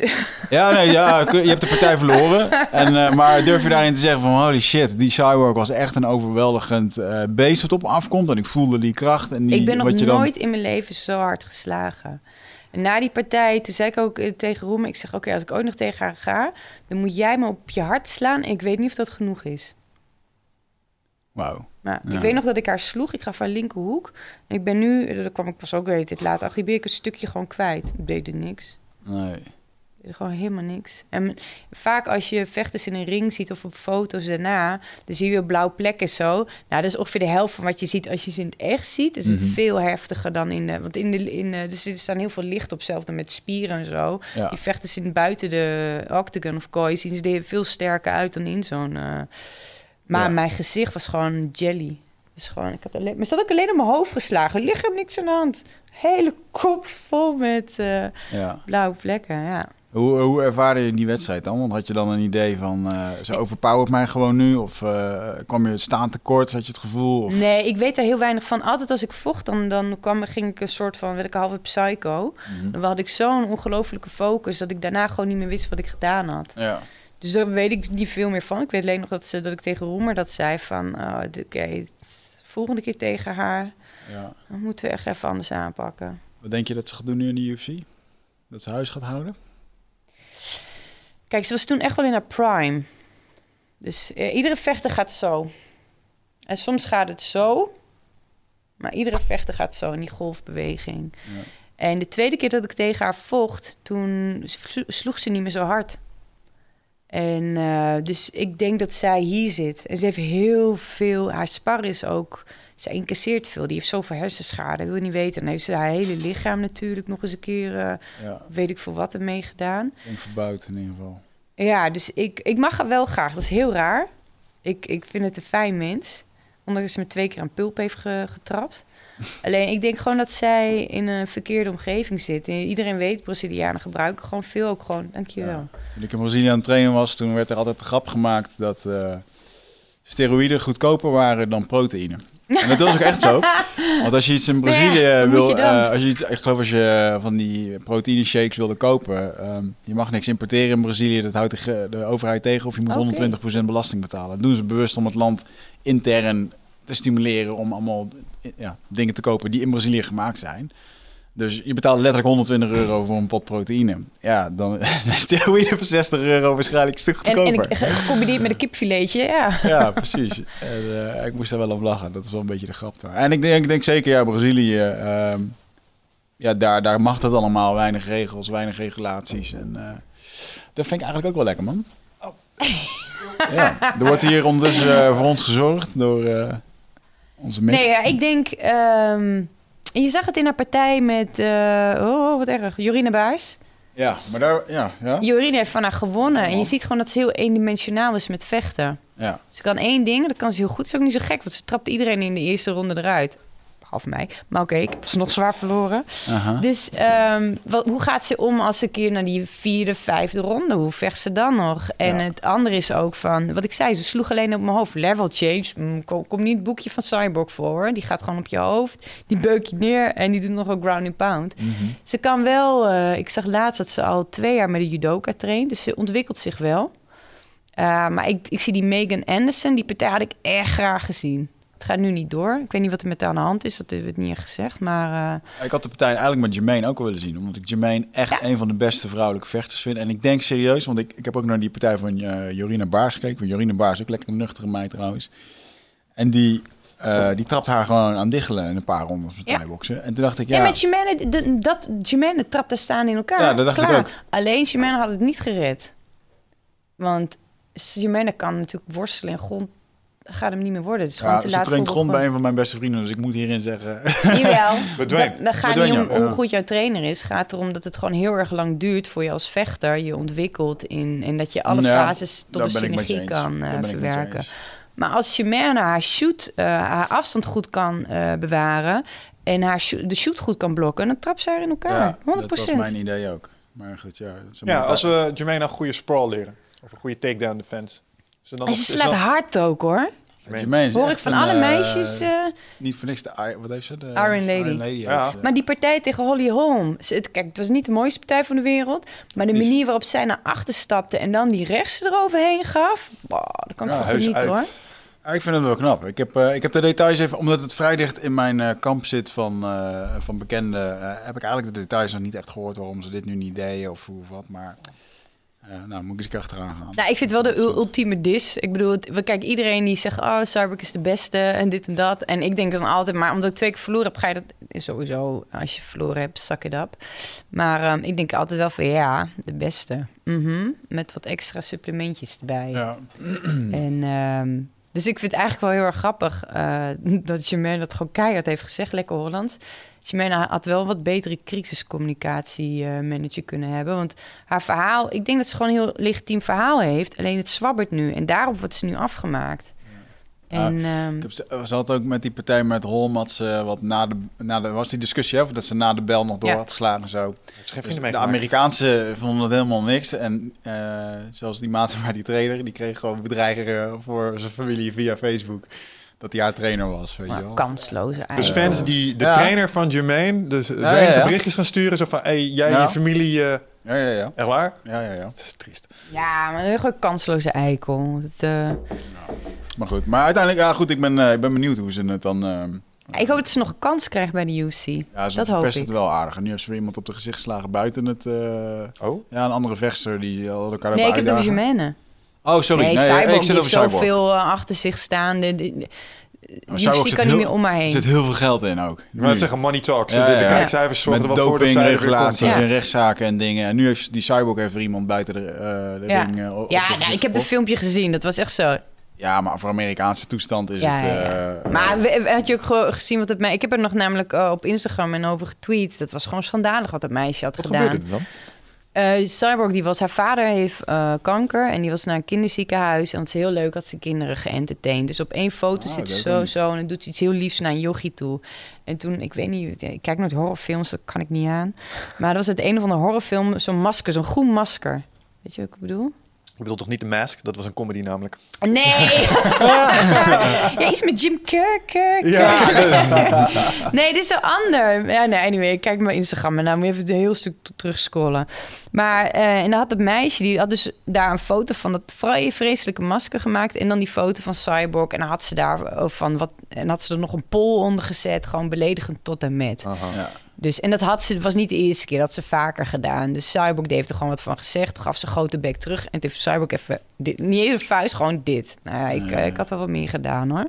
Ja. Juridisch gezien mag het niet alleen. Nee. Dat is Niet in Amerika probleem. als Nee. een journalist omheen staan. En eh, ja, dat is toch ook een beetje het, eh, het, het mediaspel. eh. jij was ook nooit echt zo'n eh, media-hyper, toch? Met Nee, ik ben een trash-talking saaie en, kneus. eh, Ja. Merkte je dat je, dat werd het eigenlijk wel eens gevraagd door zo'n Amerika, ja, Japan sowieso. Freakshow, hoe beter, hoe Mm. groter. Maar eh, in Amerika is jou wel eens gewoon op het hart gedrukt van... joh, we zouden wel eens wat meer entertainment zien of... eh, Nee, nooit letterlijk. Ik weet wel dat iemand probeerde dat ik een hekel ging krijgen aan Misha Tate. Die zat dan, maar dat had ik toen nog niet door. Dat had ik pas later die structuur door. En ehm, ja, Misha is een slet. Ja, Misha dit, Misha dat. Weet je, dat ze niet direct tegen me zeiden, maar wel op die manier dingen probeerden. Mm. En, ehm, maar kijk, ehm, vechters hadden het... Ik was gewoon een stomme Hollander. Hmm. Ik, eh, het liefst liep ik gewoon zonder muziek. Ik hoefde die walkout helemaal niet. Ik wilde gewoon die kooi in vechten. En dat gedoe er om me heen. Ik heb het op een gegeven moment dacht ik wel... oké, Ron Rousey, grote bek, eh, die krijgt partijen. Nou, misschien moet ik het doen. Heb ik het een beetje gedaan. Ik hou er gewoon niet van. Nee. Niet jij. En het, is ook, het komt ook niet over als je het niet echt doet. Nee. Dan, Nee, maar ik word dan echt boos. Dat is het probleem. En dan ben ik gewoon de hele dag opgefokt en daar heb ik geen zin in. Dus als iemand een grote bek geeft, nou, dan ga ik er ook eh, tegenaan. Maar, ja. nou ja, niet mijn ding. Heb je wel eens frustraties gehad eh, met fans in dat opzicht? Hoe je denkt van, nou, eh, ik bedoel, eh, altijd als ik naar jouw Facebook en je Instagram kijk, je krijgt altijd heel veel leuke respons eh, van mensen. Eh, maar er zit ook wel een keerzijde aan een publiek figuur zijn. Nou, dat eh, horen we zojuist even als het gaat om Jermaine en hoe daarop wordt gereageerd. Heb je wel eens van dit soort tergende situaties meegemaakt als gevolg van eh, een stukje bekendheid? Nee. En, en mensen die negatief zijn, die krijgen van mij geen aandacht. Nee. En soms blok ik ze. Maar ik, heel weinig. Ja, ik ga niet naar jou luisteren, Eikel. Nee, heel, heel weinig. En, eh, maar dat is misschien ook, kijk, eh, eh Sarah Brock heeft ook zoveel volgers, omdat heel veel mensen haar haten. En hetzelfde is met, eh, eh, met, met Ronda natuurlijk. Dus als je een beetje middle of the road character bent, zoals ik, en dan ben ik ook nog een keer uit Nederland. Nou, dat zijn zo helemaal niet ja, lokale helden, dat wil Ja. ieder land. Mhm. Dus nee, ik, eh, nee, heel veel liefde voornamelijk. Ja. Al, al het andere blok ik. Hebben ze jou wel eens filmrolletjes aangeboden en zo in Amerika? Is dat niet een mooie volgende stap die... eh, Nee, daarvoor moet je echt. Ik ben echt eh, eh, kneus van de vechters. Als je ziet hoeveel volgers ik heb in verhouding tot de gemiddelde UFC-vechter. dus het, is allemaal marketing. Hoeveel volgers heb je online? Hoe bekend ben je? En daaruit komen dan producten voort. En daarnaast ben ik ook, en dat heb ik altijd heel bewust gedaan hoor. Je zult geen foto's van mij zien waarop ik uh, geil poutend in de camera kijk of met mijn het draaien ben. Doe je dat wel, ja, dan krijg je heel veel volgers. Maar ik voel me niet zo lang bij, dat doe ik niet. mm. Uh, de vechter slash model uh, approach is dat. Ja, en ik vind, weet je, ik vind het ook kansloos als andere vrouwen het doen. Ik denk, als je zo mooi bent als een model, dan moet je dat lekker gaan doen. En anders moet je niet echt geil in de camera gaan kijken. Doe je maar lekker voor je vriend. Ja. Roem heeft wel heel wat te zien. Nee. ja, ik weet nog wel hoe ophef toen die Ronda uh, Rousey in de Playboy kwam. En die werd echt fucking gehyped door de UFC. En, ik heb ze laatst gezien volgens mij, de cover. Shoot ze bijna af. Van? Ronda. Dat is op een of andere Ik zag de mixfight. Ik kom er niet heel vaak meer, maar het stond... Gaat oh, ik, in de Playboy? Nee, ze staat bij een ander blad. Volgens mij af, of, of, in, uh, of in Maxim of zo. Nee, weet je dat wel, is ESPN Body Issue. Ja, en nu staat dingen erin. Michelle Watterson. Maar ze heeft wel... Uh, die heeft al, ja goed, die werd natuurlijk ook gewoon helemaal gemaakt. En, uh... Ik heb er een keer in Japan ontmoet. Toen moesten allebei... Uh, toen was ik net uit Strikeforce en zij er net in. En uh, toen was dus nog niet bekend. En um, toen had ze net van het meisje verloren die een beetje doof, uh, gewonnen, die een beetje doof was. En die had dus te laat geklopt of zoiets, ik weet niet meer. En um, deed allebei met de Japanse tv-show mee. Maar ik dacht, ik zag al bij de airport, dacht ik, oh, ik ga echt geen vriendinnen met jou worden. Hoor. Daar heb ik geen zin in, want ik ga nog een keer tegen jou vechten. Maar ik was heel netjes, hallo, ik ben Marloes. En we zaten allebei in hetzelfde busje, in hetzelfde hotel. En zij wilde echt samen uit eten gaan en zo. En ik dacht, mooi niet. Ik, ik kan niet aardig doen tegen iemand waar ik ooit nog een keer tegen ga vechten. Dus dat heb ik heel afstandelijk gedaan. Maar ik heb wel, um, ik had een cameraatje, heb ik nog wel haar show gefilmd. Want zij moest eerst en de tweede show moest ik. En dat, um, daar hadden we e-mailadressen uitgewisseld en um, toen mailde ze me. Dus ik heb dat heel netjes naar haar toegestuurd. Toen zeg ik, wil je even wachten? Want ik had toen een vlog. Dat moest ik voor een van de Amerikaanse site doen. En, want dan wil ik eens even mijn vlog doen. Dus ik heb ongevraagd iets liefs voor haar gedaan. Vervolgens stuur ik het naar haar toe. En toen kreeg ik een mail terug. Nee hoor, want ik heb ook een vlog. Ha, dag. Toen dacht ik, oh ja, fel kutwijf. Maar wow. dus. Maar ze was wel heel aardig. aardig. Ja. Nee, maar ze was wel, ze was echt een beetje ADHD, hyperfiguur. En ja. ze was wel heel vrolijk en leuk. En, hmm. Dus ja, ik denk, ik denk dat er een heel klein hartje in zit. Ah, maar die wordt ook door een molen heen geduwd waar ze misschien helemaal niet heen wilde zitten, joh. Ja. Ik denk dat ze labiel als ze neet is, maar dat ze wel ja, heel loyaal. En, maar ja. ook wel wat met haar vriend en zo. En uh, ja, allemaal uh, komt ook ja, ergens uit een of andere armoede toestand volgens mij wel. Ronda? Nee, nee, nee. Was dat niet een beetje dat ze op een gegeven moment... Nee, op een gegeven moment heeft ze een beetje afstand gedaan van de ouders. En dan kwam het een beetje op een uh, trailer. Uh, ja, achtig, toen woonden ze met allemaal meisjes in een huis. Ja. En toen was ze veerster. En toen gaf ze hand te eten in plaats van zichzelf. Dat soort Oh, dingen. ja. Maar haar moeder was gewoon judo-kampioen. De Ja. eerste van Amerika. Die, die armbar die is er wel ingesleten, ja. Met, Ja. eh, mooi. Maar- Een Tigerman. Ik hoorde jou zeggen dat je in, uh, in Japan dus... Uh, ben je op een gameshow op tv geweest? Begrijp ik dat nou goed?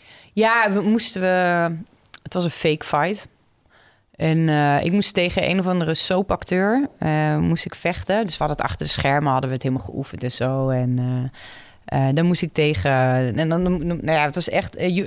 niet Yuki Kondo.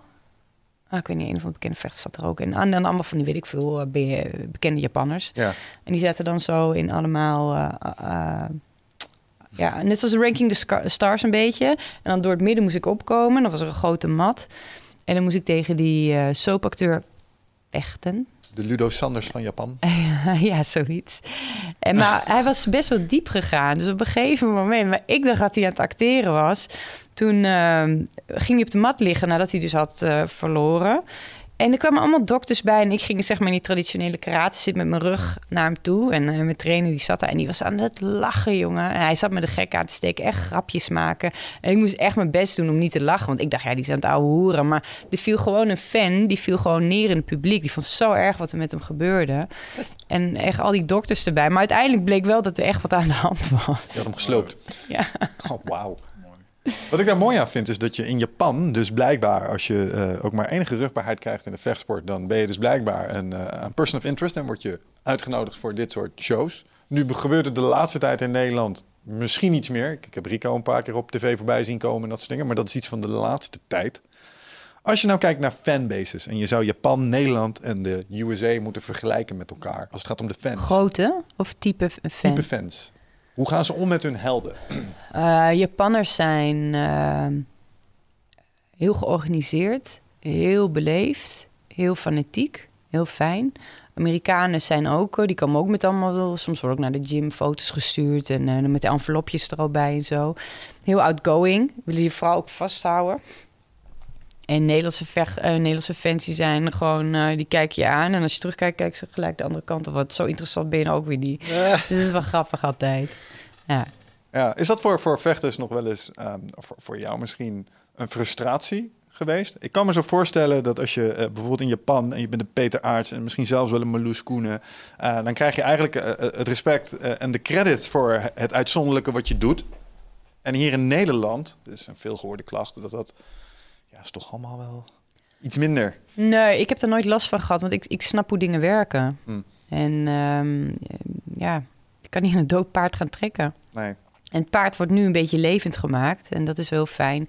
En kijk, en wat je ook ziet is... De, er moeten bepaalde uh, helden en rolmodellen komen. Er moeten ook mensen gaan achterstaan. En dat is bijvoorbeeld uh, de CEO van uh, Spike Benelux. Die Tybox zelf. Helpt wel. En, en dan, ik was in New York en hij was er ook. En ik zat met hem in een taxi en hij was helemaal over de zeik over... ik ga geen namen noemen, maar in ieder geval een programma maken... of naar Nederland of erbuiten is, zeg ik niet. Maar die had de sport in een heel slecht daglicht gesteld. En dan, dan vertelt hij gewoon... en dan, dan zie je gewoon... De, de, de, er zit gewoon echt iemand die de sport snapt. Ja, wel een goede podcastgast trouwens. Moeten we eens even Zat ik ook te bedenken trouwens. Ja. Misschien uh, kunnen we... Ja. Zo'n Benelux meneer. Dat is ook goed voor ons. Everyday on Spike TV. Michel en Wiggert. Zou je dat echt willen? Nou, en dan uh, kan uh, Marloes backstage interviews doen. Doe je nu ook voor... Uh, je was naar Amerika gegaan, toch? Naar, ja, ja, ja, ja, was heel leuk. Een dikke, dikke kaart. Ik heb de helft niet gezien. Ik heb geen televisie, dus ik, heb, ik zie het alleen maar via social media voorbij komen. Dus ik heb het niet gezien. Maar wat is het idee erachter? Jij wordt naar Amerika gestuurd voor grote evenementen en dan mag je ja. interviewen. En een pre-show en dan ook daarna nog even interviewen. Ik zag je bloepers. Schelden. Bloepers? Ja. ja, het ging niet goed. bloepers? Heeft dingen ah, je was, je was wel wat verontschuldigd over het feit dat je vooral veel aan het schelden was. Als oh, nee, nee, nee, dat was gisteren. Nee, dat was... Oh, dat was... Ik moest gaan hoog houden. Ik voetbal hoog houden. Nou, dat ging niet zo heel erg goed. En daar kan ik niet zo goed tegen. Nee, dat was voor het vrouwen. Dat is, dat is ook zoiets. Hè? We hebben een EK in Nederland. En uh, voor vrouwen. En dan hebben Daphne Koster, die uh, nou ja, is een echt icoon in de voetbalwereld uh, voor vrouwen. En dan zit er zo'n knuppel bij de KNVB. Die denkt, oké, okay, uh, wacht even, we hebben een uh, EK voor vrouwen. We hebben een heel mooi boegbeeld. Laten we Pierre van Hooydonk vragen. Voor het vrouwen-EK. Ja. Weet je, dat zijn echt van die dingen waar we in Nederland nog... waar echt die mindswitch moet komen. Nou, anyway, uh, terug naar uh, Spike. Ja, wat superleuk. Heb ik ook heel veel bloepers gemaakt. Die zijn er gelukkig uitgeknipt. Maak je veel? Wat zeg je? Maak je er veel? Ja, nee, er was, er was, um, ik wist niet dat de trainer van Conor McGregor er zou zijn. En ik kende die vechten die hij had, die kende ik helemaal niet. Dus ik had me voorbereid op, uh, want daarvoor had ik ook Fox voorbereid, dus het moest best wel snel gaan, op gewoon de maincard die zou komen. dus Dennis zegt zo tegen mij van, ga hem interviewen dan. Ik zei, ja, ik weet niet welke vechter die heeft. En uh, hij zei, ja, dan ga je er toch naar Conor vragen? Ik zei, oh ja, tuurlijk doe ik dat. Dus ik kom bij hem aan. Hij zei, hey Marloes. Ik zo, ken jij mij? Ja, yeah. yeah, I'm a big fan. Ik je kent mij, je kent mij. Nou, toen was ik natuurlijk al helemaal om. Ik zeg, ja, mag je wat over Connor vragen? Hij zei, ja, nee, dat kan niet. En dit en dat. Ik zei, ja, mag je de... Ik denk, ja, ik kan nou niet meer terug. Mag je dan interviewen? Dus ik zei, dus hij zei, ja, tuurlijk is goed. Nou, wij naar buiten toe. Dus ik zeg, kut, welke vechten heeft hij nou ook alweer? En... Um, ja, volgens mij moet hij tegen, tegen een grondjongen. Dus ik zeg tegen hem. Ik zeg, ja, um, kun je wat vertellen over je vechter? Um, hij moet tegen een BJ vechten, hè? En hij begint zo. Ja, dus uh, ja, nou, die heeft een karate-achtergrond. En uh, ik zo, oh, nee. Oh, ja. Dus het was voorbij. Ik zeg, oh, sorry. Ik zeg, ik heb echt drie uur geslapen. Mogen we nog een keer doen? Hij zei, ja, hij zegt, ik dacht al van, ze gaan er uit elkaar trekken op het, op het internet. Ik kan een rip her apart, baby Engels. dus, maar ja, dat soort acties had ik. Ja. Maar ik had ook echt weinig slaap. Nou ja, ik kan me, ik kan me voorstellen. Is het, ehm, is het in dat opzicht ehm, moeilijk voor je om ineens met een camera op je neus... eh, want hier gaat het je allemaal redelijk soepel af. Ik denk dat je inmiddels ook wel de nodige media exposure in dat opzicht gewend bent. Het is nu dan wel wellicht in een andere rol, maar er staat zo'n Ja. gast met een camera op je. Gaat je dat nee, helemaal geen last van. Ik, ik heb eh, vroeger wel. Vroeger was ik, wilde ik heel, perfection, eh, was ik heel perfectionistisch, wilde ik alles goed doen. En dan zag ik het terug, nou dan zakte ik door de grond. Eh, dus als je mij googelt op internet, zie je alleen maar lelijke foto's. Ik ben zeg maar de schaamte voorbij, ik ben de ijdelheid voorbij. En eh, ik kan gewoon lekker mezelf zijn. En dat is wel leuk. Ik vind het alleen moeilijk zo in de camera praten. Daar moet ik nog wel aan wennen. Maar Mhm. Ik vind het hartstikke leuk om met vechters te praten. Ik bedoel, ik weet wat ze voelen, wat ze hebben doorgemaakt. Ik weet dingen die andere mensen die op zo'n niveau niet hebben gestaan, niet weten. Dus het praat ook gewoon makkelijker. Ja, Dus nee, ik vind het een feestje om te doen. ja, snap ik. En je komt natuurlijk in aanraking met allerlei iconen vanuit de vechtsport. Nou, ze kennen jou ook blijkbaar. Soms Dat- ook niet hoor. Nee, maar dat is, dat is hartstikke leuk, lijkt me. Ehm, maar als je het dan hebt over iconen, hè, je had het er straks over rolmodellen ook. Eh, en wat ik me dan wel eens afvraag, ehm, wie waren in jouw opkomst, zeg maar, rolmodellen en helden of heldinnen waar je naar gekeken hebt? Omdat er niet zo heel erg veel Nee. was als het ging om vrouwelijke vechters. Nee, die waren er totaal niet. Ik vond eh, Irma Verhoef vond ik altijd heel cool. Eh Lucia Rijker. Hmm. Maar dan moet je wel even bedenken dat toen was er nog geen internet. Dus toen, eh, ik, ik weet niet of jij het nog op tegenjes hebt gehad, maar wij kregen, oké, typ nu in http dubbele punt. Ja. slash. Dus ik kon helemaal niks vinden. Dus het waren echt flarden van informatie die ik echt frat. En eh, dus ik werd ook wel noodgedwongen heel erg. eh keek ik naar mannen, naar Feder vond ik altijd fantastisch. Nick Diaz, zijn Mhm. mentaliteit. Uh, supergoed. Ramon Dekkers, via mijn broer natuurlijk. Eh, en vechters waar ik van hou zijn de vechters. ehm, ik deed voor WFL eh, interviewde ik iemand. Ik zei, oh, goede partij. Hij zei, nee, we zijn helemaal geen goede partij. Ik zei, ja, was wel een goede partij. Want kijk, ben je een bully of ben je een vechter? Iemand zoals Ronda is een bully. Die trapt mensen in elkaar. Maar als ze zelf een beuk krijgt... Nou, ik moet zeggen, tegen Holly, deze is het aardig goed. Dan moet ik even terugnemen. Maar je hebt van die vechters die alleen kunnen uitdelen... niet kan incasseren. En ik ben geïnteresseerd in die vechters die kunnen incasseren... die neervallen, die opstaan en dan doorgaan. Dan ben je voor mij een vechter. Ja. En, en iemand die gewoon eh, toevallig een fysieke voorsprong heeft... en een snel oog en creatief... vind ik ook interessant, hoor. Mhm. Maar eh, die, die tegenslag en dan die, die innerlijke kracht hebben, dat vind ik het allercoolst. Ja, ik vind dat juist wel het spelletje heel dynamiek maken. Met, met die, eh, hoe heet hij toch? Zeg de vaartje Buskruid die ook in de UFC zit nu, die uit Cuba komt, de judoka. Oh, Ro- Joel Romero. Nee, ehm, die andere. Oh, hoe heet hij toch? Geen idee. Hij moest toen ook tegen eh, die... ehm, wie was die Braziliaan die... oh eh, god, ik ben me nu al kwijt. ah, wie, was die, wie was die Braziliaan die eh Paul Harris, die enkeltjes eraf trekt bij iedereen? Die moest op een gegeven Die naam moment... zegt wel wat, ja. ja, maar eh, ik, verder ga je hem nu niet krijgen hoor. nou dan... Louis? Nee, ik ben de naam even kwijt. Nou, anyway, maar dat is gewoon een fysiek paard die gewoon één ronde lang kan knallen. En daarna Ja. kan het gewoon niet. Ja, maar die Nagano ook. Uit, eh, Cu- eh, uit eh, Cameroen die nou in Parijs oh, eh, oh, ja. oh ja, ja, ja, dat is ook een Dat is ook beest zo. Ja, ja. Maar dat heb ik met die Jo Romero ook. Want ik heb van de week... Ik, ik, moet eh, zaterdag bij Fox eh, commentaar geven. Dus ik ben zijn partij aan het kijken. Ik vind hem helemaal niet interessant. Het is misschien... eh, als, bij Fox vind ik hem super interessant. Maar nee, ik, eh, ik vind hem in die zin van... Hij is een one-track pony. Hij, eh, hij kan heel goed worstelen. Maar ehm, hoe heet hij? Die eh, soldaat kreeg hem ook neer. Die ook in Strikeforce vocht. Tim Kennedy. Oh, ja. Dat is natuurlijk zelf ook een super goede worstelaar. En, hij, en dat is het. En als je dan die Robert Whittaker eh, ziet, die jongen die is zo allround. En het is ook, die is nu 28 en die Romero is 40. Dus ik weet zeker Mhm. dat Whittaker gaat winnen. Tenzij het is MMA, je kan altijd op een stoot lopen. Maar die jongen die heeft ook echt tegen die andere Braziliaan, volgens mij die Javier of zo, heeft hij echt een beukpartij neergezet. En hij bloedde en zijn hele been was in de partij. Dus, nou, en ik weet, als, jij, als het gefilmd wordt en je ziet in de coil dat het rood is, Ja, dan pijn. Dan pijn. is het daarbuiten is het nog twintig keer erger. Mm. En hij bleef gewoon mee trappen en hij bleef doorgaan en hij bleef die druk zetten. Ja, dat vind ik fantastische vechters. Ik zit trouwens Hector Lombard. Dat was Oh ja, oh, die volg ik nog op Instagram, ja. He- Hector Lombard, die ken ik nog. is, bij, is me bijgebleven, omdat toen ik in Australië woonde in 2000, eh, tien jaar geleden of zo.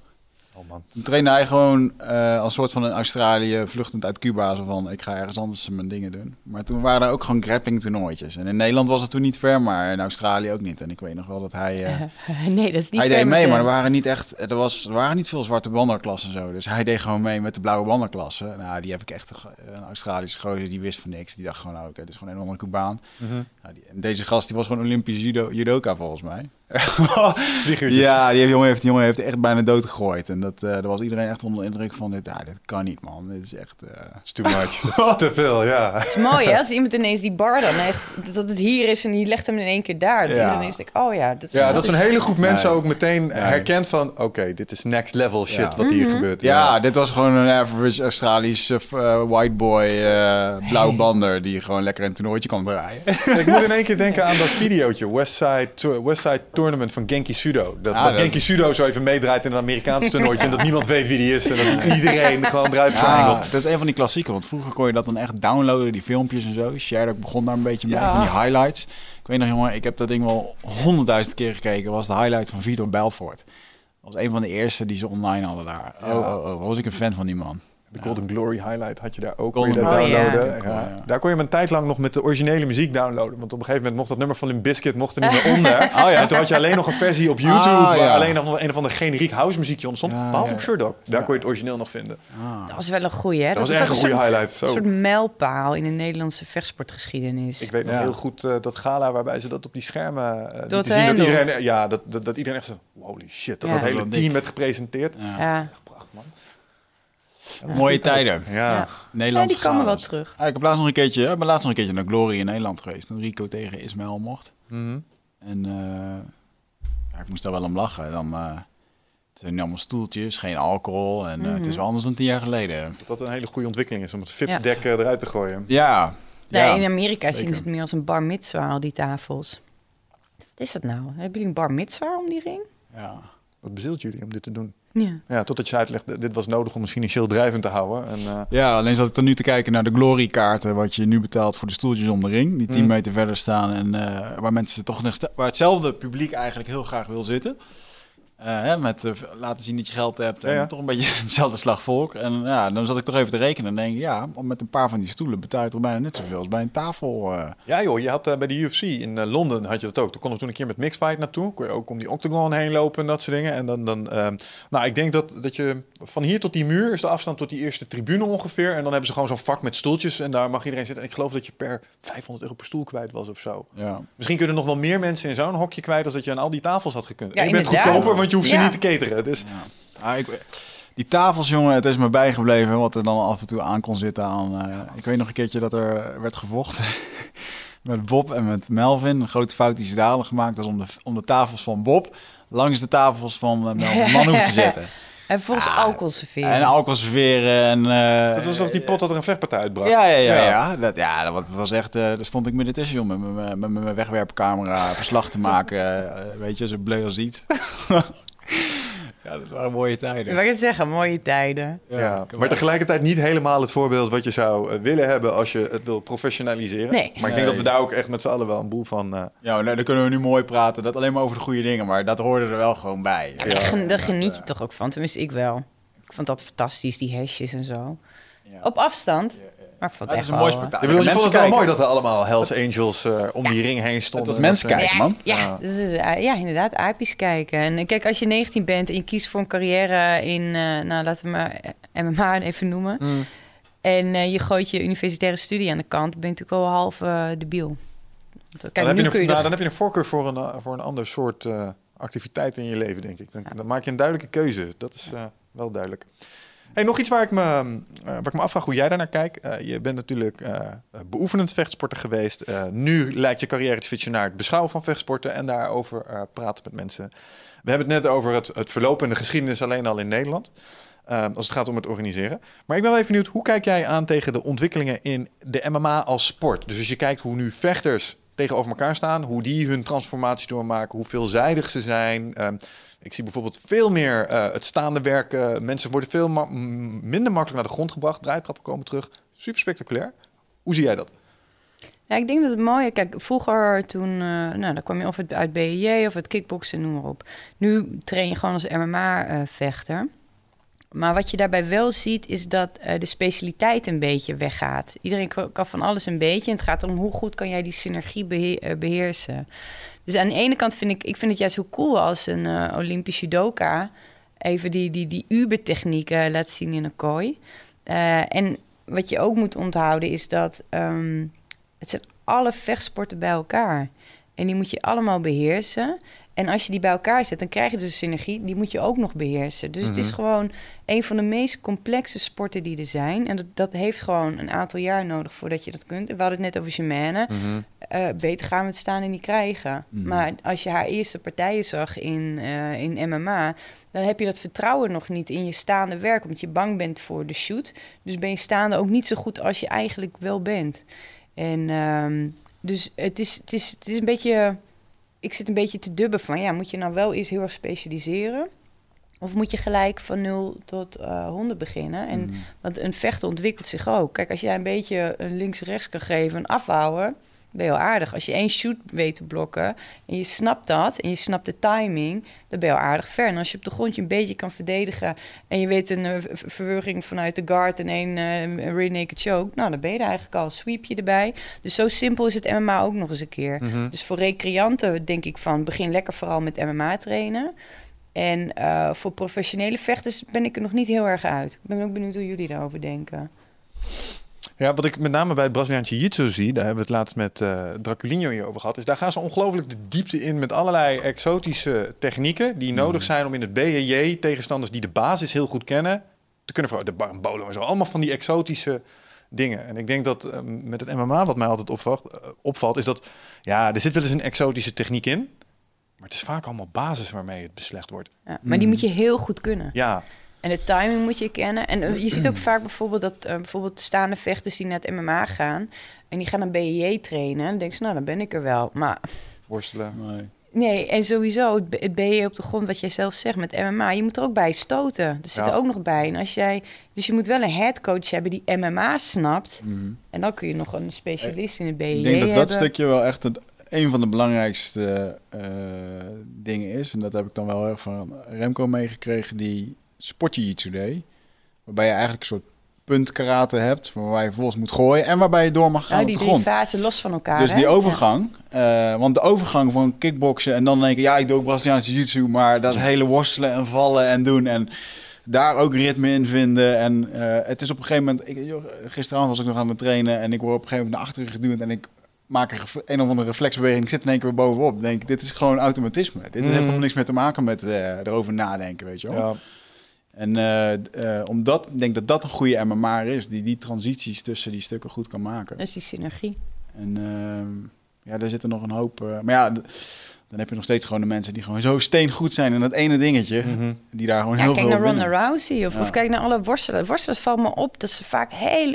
Die boksen alleen, hè, die zien nooit de trap... Mm. Nooit een trap geven. Maar dat is heel logisch, omdat zij moeten ook, zeker als vrije stijl worstelen... heel snel een hele grote afstand overbruggen. Dus ze zijn heel explosief. Ja. Dus die stoten komen dan ook heel goed aan. Maar het is... Ik zie het bij Tim Kennedy of... ehm, eh, nou, sorry. eh, hoofdpartij Bellator, New York.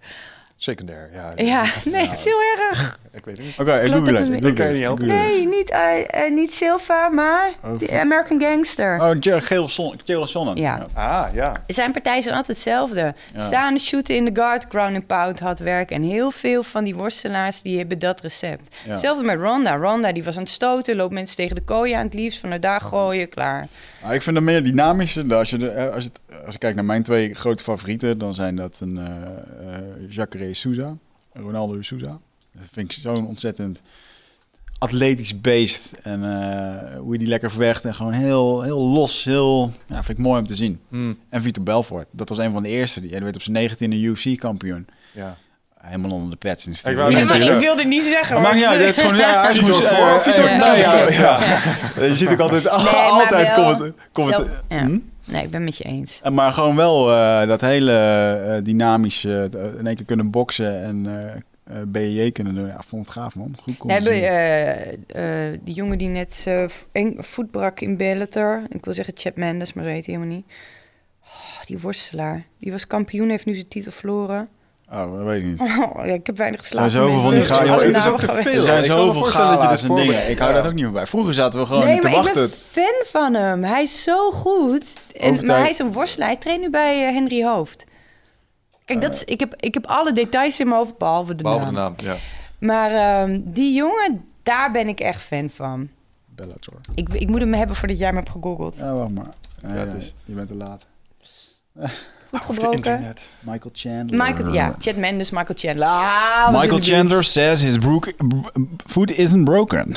Nee, we zagen hem. Nou, ik was aan het winkelen. Maar de andere mensen van Spike die op, eh, voordat we vlogen, die zagen hem lopen. Er was een gay pride. Ik zeg niet dat hij daarbij liep, maar er was gay pride in, eh, ehm, in New York. En toen liep hij, hij limpte wel een beetje, maar toen liep hij langs. Dus hij zei dan van die voet is nooit gebroken. Ja. Maar die jongen, dat is echt, dat is een soort van new breed in MMA. Dat is een worstelaar die, die alles kan. Mm, Fantastisch. Mm. mooi. Ben Ja, benieuwd. nou, ik zie die, die, die veranderingen in het MMA zie ik met name in jongens als eh, bijvoorbeeld eh, TJ Dillashaw en eh, zeg maar Cody Nolof, Bryant is het volgens mij. Dat zijn Mm. jongens die, wat me daar zo aan opvalt, is dat ze ten eerste, het is niet meer het standaard eh, staande gevecht. Dat is een van de dingen die mij het meest opvalt nu de laatste tijd. Is vroeger was het redelijk stoïcijns, twee gasten die tegenover elkaar gingen staan, ongeveer een striking range. En dat was gooien eh, zoals het standaard kickboksen. En wat ik nu heel erg zie is dat, eh, hoe heet die andere ook alweer? Die heeft zo'n hele onorthodoxe. die- Dominic Cruz? ja, die ja. Een beetje van, misschien Ja, met geïnspireerd door. Ja, dat. Veel meer als eerst. Ja, nee, maar ik bedoel, kijk, kijk naar tennis eh, 1945, kijk naar tennis nu met power tennis. En dus, de sport ontwikkelt zich en het ontwikkelt zich ook als sport. En ik was een, eh, even kijken, was na mijn wedstrijd. Dus wel ergens in maart werd ik eh, naar Parijs geroepen voor de EPAS. En eh, dat is een orgaan dat, eh, van ambtenaren die de ministers van sport eh, in Europa adviseren. En in Europa zijn we dus nog steeds... En daar moest ik eigenlijk mensen gaan overtuigen. Was de enige sporter die was uitgenodigd. Voor de rest waren het allemaal mensen. Dus moest ik even gaan overtuigen dat MMA geen activiteit is, maar een sport. Hmm. Want als ze het kunnen labelen als activiteit, hoeven ze er verder niks mee te doen. En er zijn is, in 1999 is er dus eh, een reglement geschreven waarin staat dat MMA verboden is. Dus eigenlijk, en als je die tekst ook leest, nou, dan moet je gewoon lachen. Dan denk je van welke halve zol heeft dit geschreven? Die ze hebben het echt over dat wij mishandeld worden en weet ik veel wat. Maar die snappen er niks van. Ja. En ehm, ik leg het ook tijdens die hearing uit. Ik zeg van, eh, natuurlijk is het een sport. Ik zeg, want als je als boksen olympisch is, als judo olympisch is, als worstelen olympisch is, als taekwondo olympisch is en je voegt al die sporten samen, dan heb je MMA. En MMA is de oudste olympische sport die er was. Pancration. Ja, en dat, dat wil er maar niet in. En ook dan het verhaal dat, ehm, dat het vooral heel emanciperend voor vrouwen is. Want vaak zijn mensen wel open voor die boodschap. Gewoon hakken in het zand. En eh, vooral één man die ging daar echt eh, tegen tekeer. Mm. En, eh, maar dat denk ik, in Frankrijk is het verboden nog steeds. Dan denk ik, ik weet niet, we hebben het internet. Je, je- Ja. dit is een achterhoedegevecht. En wat denk je nou? Dat als in Europa blijkbaar is het nu verboden en we hebben nog steeds evenementen. En de UFC die komt er naartoe. En Bellator komt er naartoe. En die gaan alleen maar meer komen. Misschien komt One FC wel ooit, je Mm. weet maar nooit. Of komen whatever. En die gaan hun ding toch wel doen. Mhm. En het is de, me- de snelst groeiende sport. Mensen zijn eh, eh, super enthousiast. Dus waarom zou je het gaan bevechten? Waarom ga je, neem je die mee en ga je het dan leiden? Ja. Dan kun je het nog een beetje shapen. Maar Money talks. Dit, dit komt wel zodra de commerciële en de, en de economische belangen groot genoeg zijn. ja, ja ze moeten nu is hetzelfde. Bijvoorbeeld als een, als een, een tv-programma laat zien dat we in Nederland dus kinderen hebben die elkaar knock-out slaan, dan kunnen er ineens dingen komen. Ja. Mhm. En ehm, ik hoop wel dat we daar snel mee klaar zijn. Dat Ja, want is- ik wou net vragen, hoe kijk jij tegen, eh, tegen eh, kinderen en vechtsport aan in dat opzicht? Je moet het ze leren. het is natuurlijk ook full contact sport, maar Nee, wij, wij hebben superheldentraining op de gym. Hm. Dus het is voor Hm. kinderen van 4 tot 8 jaar. En eh, soms komen ze ook verkleed als superhelden. Dan lach je kapot. Echt heel schattig. En eh, wij, ze worden getraind op grondmotorische vaardigheden. Snelheid, eh, kracht, conditie, noem maar op. En voor hen is het gewoon een gevoel alsof ze aan het apenkooien zijn. Maar er zitten natuurlijk wel allemaal structuren in. En dan hebben we MMA Kids en we hebben MMA Junior. En daarna kunnen ze doorstromen naar de volwassenen. Want Roem en ik geloven heel erg in een leven lang fit. mhm. En je hebt het ook het long-term athlete development model. Dus ik helemaal fan van. En hè, dat is, moet je spelen, daarna moet je leren trainen, nou, enzovoorts. Ja. En dus ik denk dat MMA, los van het feit dat je hele gezonde kinderen krijgt... die op heel veel manieren worden getraind, coördinatief ook... Uh, maar dat ze ook vooral mentaal heel erg sterk worden. En dan, hè, dan kom je natuurlijk weer bij de meisjes terecht. Die leren fysiek nee te zeggen. Die leren op een jonge leeftijd al om confrontaties aan te gaan. Mhm. Dat, dat, is, dat, dat, is, eh, dat creëert een bepaalde mindset die je de rest van je leven meeneemt. Als jij dat als, op jonge leeftijd niet leert en je bent een keer uit en iemand doet een keer wat bij je, durf je niet zo snel omdat je het vertrouwen in je lichaam niet hebt, dat je niet weet dat je lichaam het kan. Mhm. En omdat je het nog nooit gedaan hebt, dat is wat ik zei, die pijnarchief en die angstbibliotheek, dan kun je dat niet toepassen. Dus daarom is het al heel erg belangrijk dat kinderen dat doen. Kinderen op het hoofd slaan, hell no. Mm, nee. En er zijn echt heel veel eh, trainingsmogelijkheden te verzinnen, waarbij kinderen ook die oog-handcoördinatie krijgen, dat ze uit de lijn stappen. Je kunt, dat zijn gewoon patronen die je kunt inslijten. En daarvoor hoef je niet hard op je kop te worden geslagen. Dat kun je op hele leuke manieren doen. Je kunt dat ook doen met, met tennisballen die je moet ontwijken. En, en, en met je gezicht naar de muur. En iemand gooit achter je een bal en die moet je vangen. Weet je, dat soort dingen. En ehm, ik vind dat we in Nederland gewoon ervan af moeten stappen. En de weerstand die komt omdat heel veel mensen niet weten in de vechtsport... dat je hersenen dus zo lang doorgroeien. En dat Mhm. er dingen kunnen gebeuren met je brein... zoals wat nu bij NFL allemaal blijkt. Ja. We moeten, we moeten gewoon slim gaan nadenken. En dan gaan we het echt niet verliezen van die taai... die vanaf een vierde al hun schenen kapot trappen. Ik bedoel, ik heb ze ook wel eens ontmoet hoor. 200 of 400 partijen. En die, die zijn gewoon weer kind. De hele hersenen zijn weggeslagen. Ja. Nou, willen we dat in Nederland? Nee, we moeten gewoon slim trainen. Mijn fysiotherapeut had laatst iemand die, eh, die had een beetje gebokst. Amateur. Hoeveel partijen heb je dan gedraaid? 200 plus. In Duitsland, soms in Duitsland heb je natuurlijk een hele grote boxing. Gewoon in een weekend, als je wil, kan je daar gewoon twee keer per week, eh, twee keer in een weekend kun je gewoon knokken. Gewoon om die partijen te maken en eh, ja, aan die top te komen. Natuurlijk Ja, maar, ja, in Parijs sprak ik ook met iemand die, die vanuit ehm, Finland, Zweden, ik weet het niet meer. Die eh, vertelde ook dus dat er zijn heel vaak kinderen die gaan in het weekend naar Nederland toe om wedstrijden te draaien, want in hun land mag het niet. Mhm. Ik bedoel, dat moet pan-Europees moet dat geregeld worden. Maar die vechtsportautoriteit in Nederland, daar, ik, daar wordt al een beetje naar gekeken vanuit het buitenland. Van hoe gaan ze het hier doen? En wij lopen gewoon heel erg voor. Mhm. Dus ik, ik heb daar heel veel vertrouwen in. Ik ben benieuwd. Ik hoop uiteindelijk dat we... Eigenlijk is het ook vaag dat het bijvoorbeeld in Frankrijk verboden is. In Frankrijk, als je goed met de judo, word je gewoon naar een universiteit gestuurd. Of Mhm. hebben ze, word je ervoor betaald om uiteindelijk gewoon je sport te doen. En er zit veel talent En, eh, daar. eh, ge- ja, sport wordt eigenlijk, eigenlijk word je gewoon betaald om talent te kunnen ontwikkelen.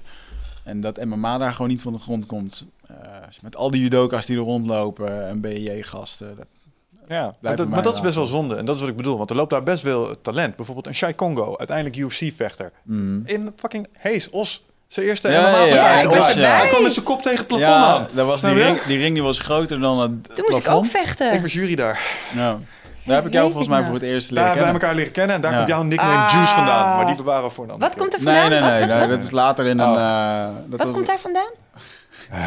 ik verstond het Gaan we niet. het Are we really going to talk about Ja, this? en wacht. Oké, nu moet ik het helemaal weten, maar ik heb het woord nog niet eens Weet je gehoord. dat eh mixed fight? Ken je, hè? Iedereen, Wat? Nee, maar eerst zeggen, wat komt er vandaan? Zijn nickname. Oh, nickname. Ik verstond Juice. Juice. Oh, Juice. Juice. Ik- En ik iedereen zat kent hem zeus. als Juice. Omdat hij op Mixed Fight Juice heette. Maar de naam Juice komt ook, is geboren op dat gala. Maar ik laat even aan jou of je het verhaal wil vertellen. Ja, of nee. Juice Bigelow? Ja, toen was net de film Juice Bigelow Ja, uit. zie? Ja, En, ehm, ik stond op een gegeven moment op een gala. te- eh, stond, ik weet niet, volgens mij moest Remco vechten. Het was een ringsgala in Utrecht. En eh, er, stond, er moest op een gegeven moment een jongen vechten. En er stond in één keer voor ons een hele groep te juichen. En eh, een beetje kletsen met die eh, gasten waar ze vandaan kwamen. En die kwamen dan uit Arnhem. Nou, ik zit op school op Arnhem. Ik zat op Sieros en zo. En eh, nou, leuk kletsen. En die, er stond één oudere dame bij. Mooie zonnebank bruin, netjes opgemaakt. En eh, die kwam op een gegeven moment... eh, dat was eigenlijk best wel lullig hoe dat ging. Er stond een ontzettend dikke man langs mij. Die was mee van de gym. Ik denk dat die man meer dan 100 kilo. Oh, ik voel hem wel Komt op een gegeven moment naar mij toe. En die dame die zegt... Hey, eh, nou, eh, leuk je te leren kennen. Eh, als je ooit voor mij wil komen werken... dan ben je van harte welkom. En ze geeft mij een kaartje. En een ze, en, en ze zegt tegen eh, die, jongen die langs mij staat... en als jij ons een keertje nodig hebt... kan je ook altijd langskomen. Motherfucker. Dus ik kijk op dat kaartje en er staat gewoon escort bureau nog wat op. Ja. Dus sindsdien, en net met die film Juice uit, dus daar kwam de, naam Juice eh, vandaan. Heb maar je er ooit gebeld? Nee, nee. Oh, ik Niet zou super nieuwsgierig zijn. Toch Ja, gewoon, nee, even nee, kijken nee, hoe, klopt. het, hoe het Er- gaat. Wat voor was- je krijgt. Er was eventjes... gewoon, gewoon zo'n intake. Hoe ziet het eruit? En, Nou, er eh, was wel een, want er was ook een jongen bij, die was dan de chauffeur die iedereen wegbracht. En er was ook een jongen bij die e- daadwerkelijk voor haar werkte. En de eerste vraag was natuurlijk van, ja, maar is dit dan alleen een vrouw of wat is dit? En het moest uiteindelijk alles zijn. Oh. En, eh, en die, en, die, en die- en die man die zei gewoon, ah, moet je gewoon een keer kuchen, dan voel je het niet. dus ja, en ik stond daar als 17-jarige knaap, eh, nog eh, vol in mijn eigen seksuele ontwikkeling. Ik denk, nou, dit, eh, nee, ik, heb het niet, eh, ik heb niet gebeld. Nee. Nee. Maar, Maar hilarisch verhaal. Maar mijn eerste bedrijf heet ook Juicy Vans in en eh, de niemand wist dat ooit, maar ja, wel mooi. Oh gosh. Dus eh goede tijden. Dus vandaar. Ja, maar we kwamen hier omdat Fransozen naar Nederland komen om te vechten op, op onze gala's. En Ja. dat het inderdaad best wel veel talent eh, daar zit. En dat het eigenlijk van de zotte is dat het dan in landen dus blijkbaar als eh Ja, maar ze- ik bedoel- verboden is. Wat goed is, komt wel bovendrijven. Ze gaan gewoon het eh, buitenland in. Ik bedoel, Amsterdam, eh, Parijs, zo gereden. En dat deden ze ook, hè? Daar kwamen ze met Ja. busjes. Ja. Dan weet ik toch wel, hele familie erin. Ja, maar dat was vroeger wel gewoon het ding. Gewoon, hey jongens, we gaan een toernooitje draaien. Zet je gewoon 12 uur in de auto te, ko- ko- ja, te koekeloeren met z'n allen. En dan gingen gewoon vechten. Ik nog een keertje echt in Duitsland of in eh, Zwitserland... waar letterlijk de duiven door de sporthal heen vlogen, weet je wel. gewoon zo ontzettend slecht. Of in één keer een kooivecht halen in Duitsland... Waar, wat gewoon georganiseerd werd door Hells Angels. Mm. En eh, Weet je wel betaald? nou ja, ik hoef het niet. Eh, Jordi, eh, Jordi moest toen vechten, inderdaad. Maar echt eh, alleen maar Hells Angels. En eh, ja, hele, gewoon hilarische momenten, man. Het is gewoon mooi, mooi geweest. Ja. Het is een aparte scene. Maar ik vind het mooi om te zien hoe die in ontwikkeling is. En ehm, ik weet niet of jij het je ooit had kunnen voorstellen dat het tot dit zou uitgroeien toen we er net eh, als jonge broekjes op de mat stonden. Ik had het in ieder geval niet voorzien. Maar ik vind het wel heel mooi. Want een van mijn frustraties was wel altijd, dit heeft zoveel waarde. Maar iedereen kijkt het een beetje met de nek aan. Ja, was voor mij ook wel een deel van de aantrekkingskracht. Ja, toch wel? Ja. Een stukje afzetten. Ja, nee, maar gewoon, ik, ik, ik, hou, eh, ik hou ook heel erg van mensen die een beetje raar zijn. Ik hou niet van mensen die zo middle of the road... Ook geen hekel aan, maar ik bedoel, het zijn niet de mensen die me aantrekken. Mhm. Dus ik hou mensen die heel erg hun eigen weg gaan, die heel uitgesproken zijn. En eh, ik hou van mensen die heel erg fanatiek zijn. Dus ehm het kan zijn dat ze in de thee heel erg fanatiek zijn, of in sporten of in andere dingen. Gewoon mensen met passie.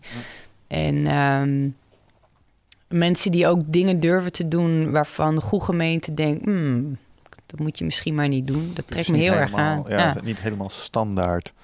Maar ik had wel, eh, zeg maar vanaf, ik denk dat 2007 of zoiets was. Ja, zoiets.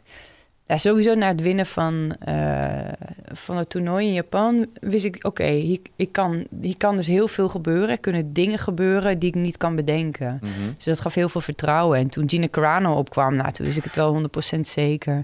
En nu zie je met eh Conor McGregor dat, dat zelfs de, de grachtengordel in Amsterdam ineens een mening over MMA heeft. En dat is wel echt heel goed. En die partij tegen Floyd Mayweather, 27 augustus, Mhm. dat gaat de sport zo wereldwijd tillen. Ja, ja. Maak geen bal uit wat er gebeurt. Echt niet. Wat denk je dat gaat gebeuren? Ja, iedereen zegt van ehm, als eh Mayweather wint, mag het niet eens als een, een, een punt op zijn eh, zeg maar een record komen. Dan krijg je gewoon een halve punt erbij. Maar die corner, die moet je echt niet. ah, die, Als iemand het kan, ja, dan kan hij het. ja. Ik vind die Lach- trash talk ook zo mooi alweer nu Geniet over en weer. En, hoe die tussen... en wat, wat Conor McGregor terecht zegt is... Hé, luister man. Je hebt een kans om te winnen, omdat het op jouw regels is. We weten allebei als je in mijn kooi zou stappen Ja. als klaarvriend, weet je. Ja. Dat vind ik mooi. Maar ze gaan echt niks te verliezen, man. Nee. Alleen maar te ja, en eh, een bankrekening vol met miljoenen. PD dit, jongen. Ja. Ja. Ik vind het wel mooi dat je zelf ook gewoon eh, de face of the fight game noemt. en zo is het, man. ja. Dat, eh, Ja, ze gaan nu ook een. World Tour doen, hè?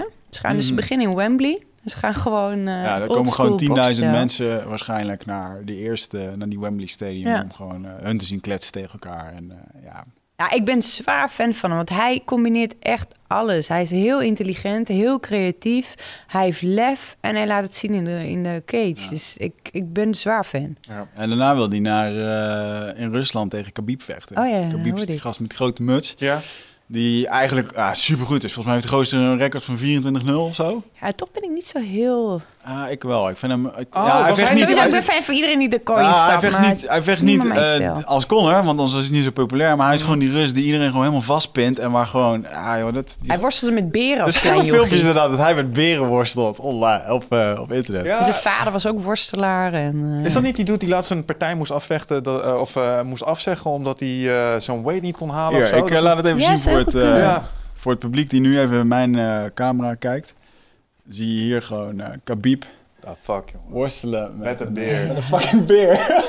Beer, redelijke techniek trouwens. Hè? Ja, maar He's beren, going kunnen for the ook, electric chair. beren kunnen ook heel erg goed worstelen. Blijkbaar.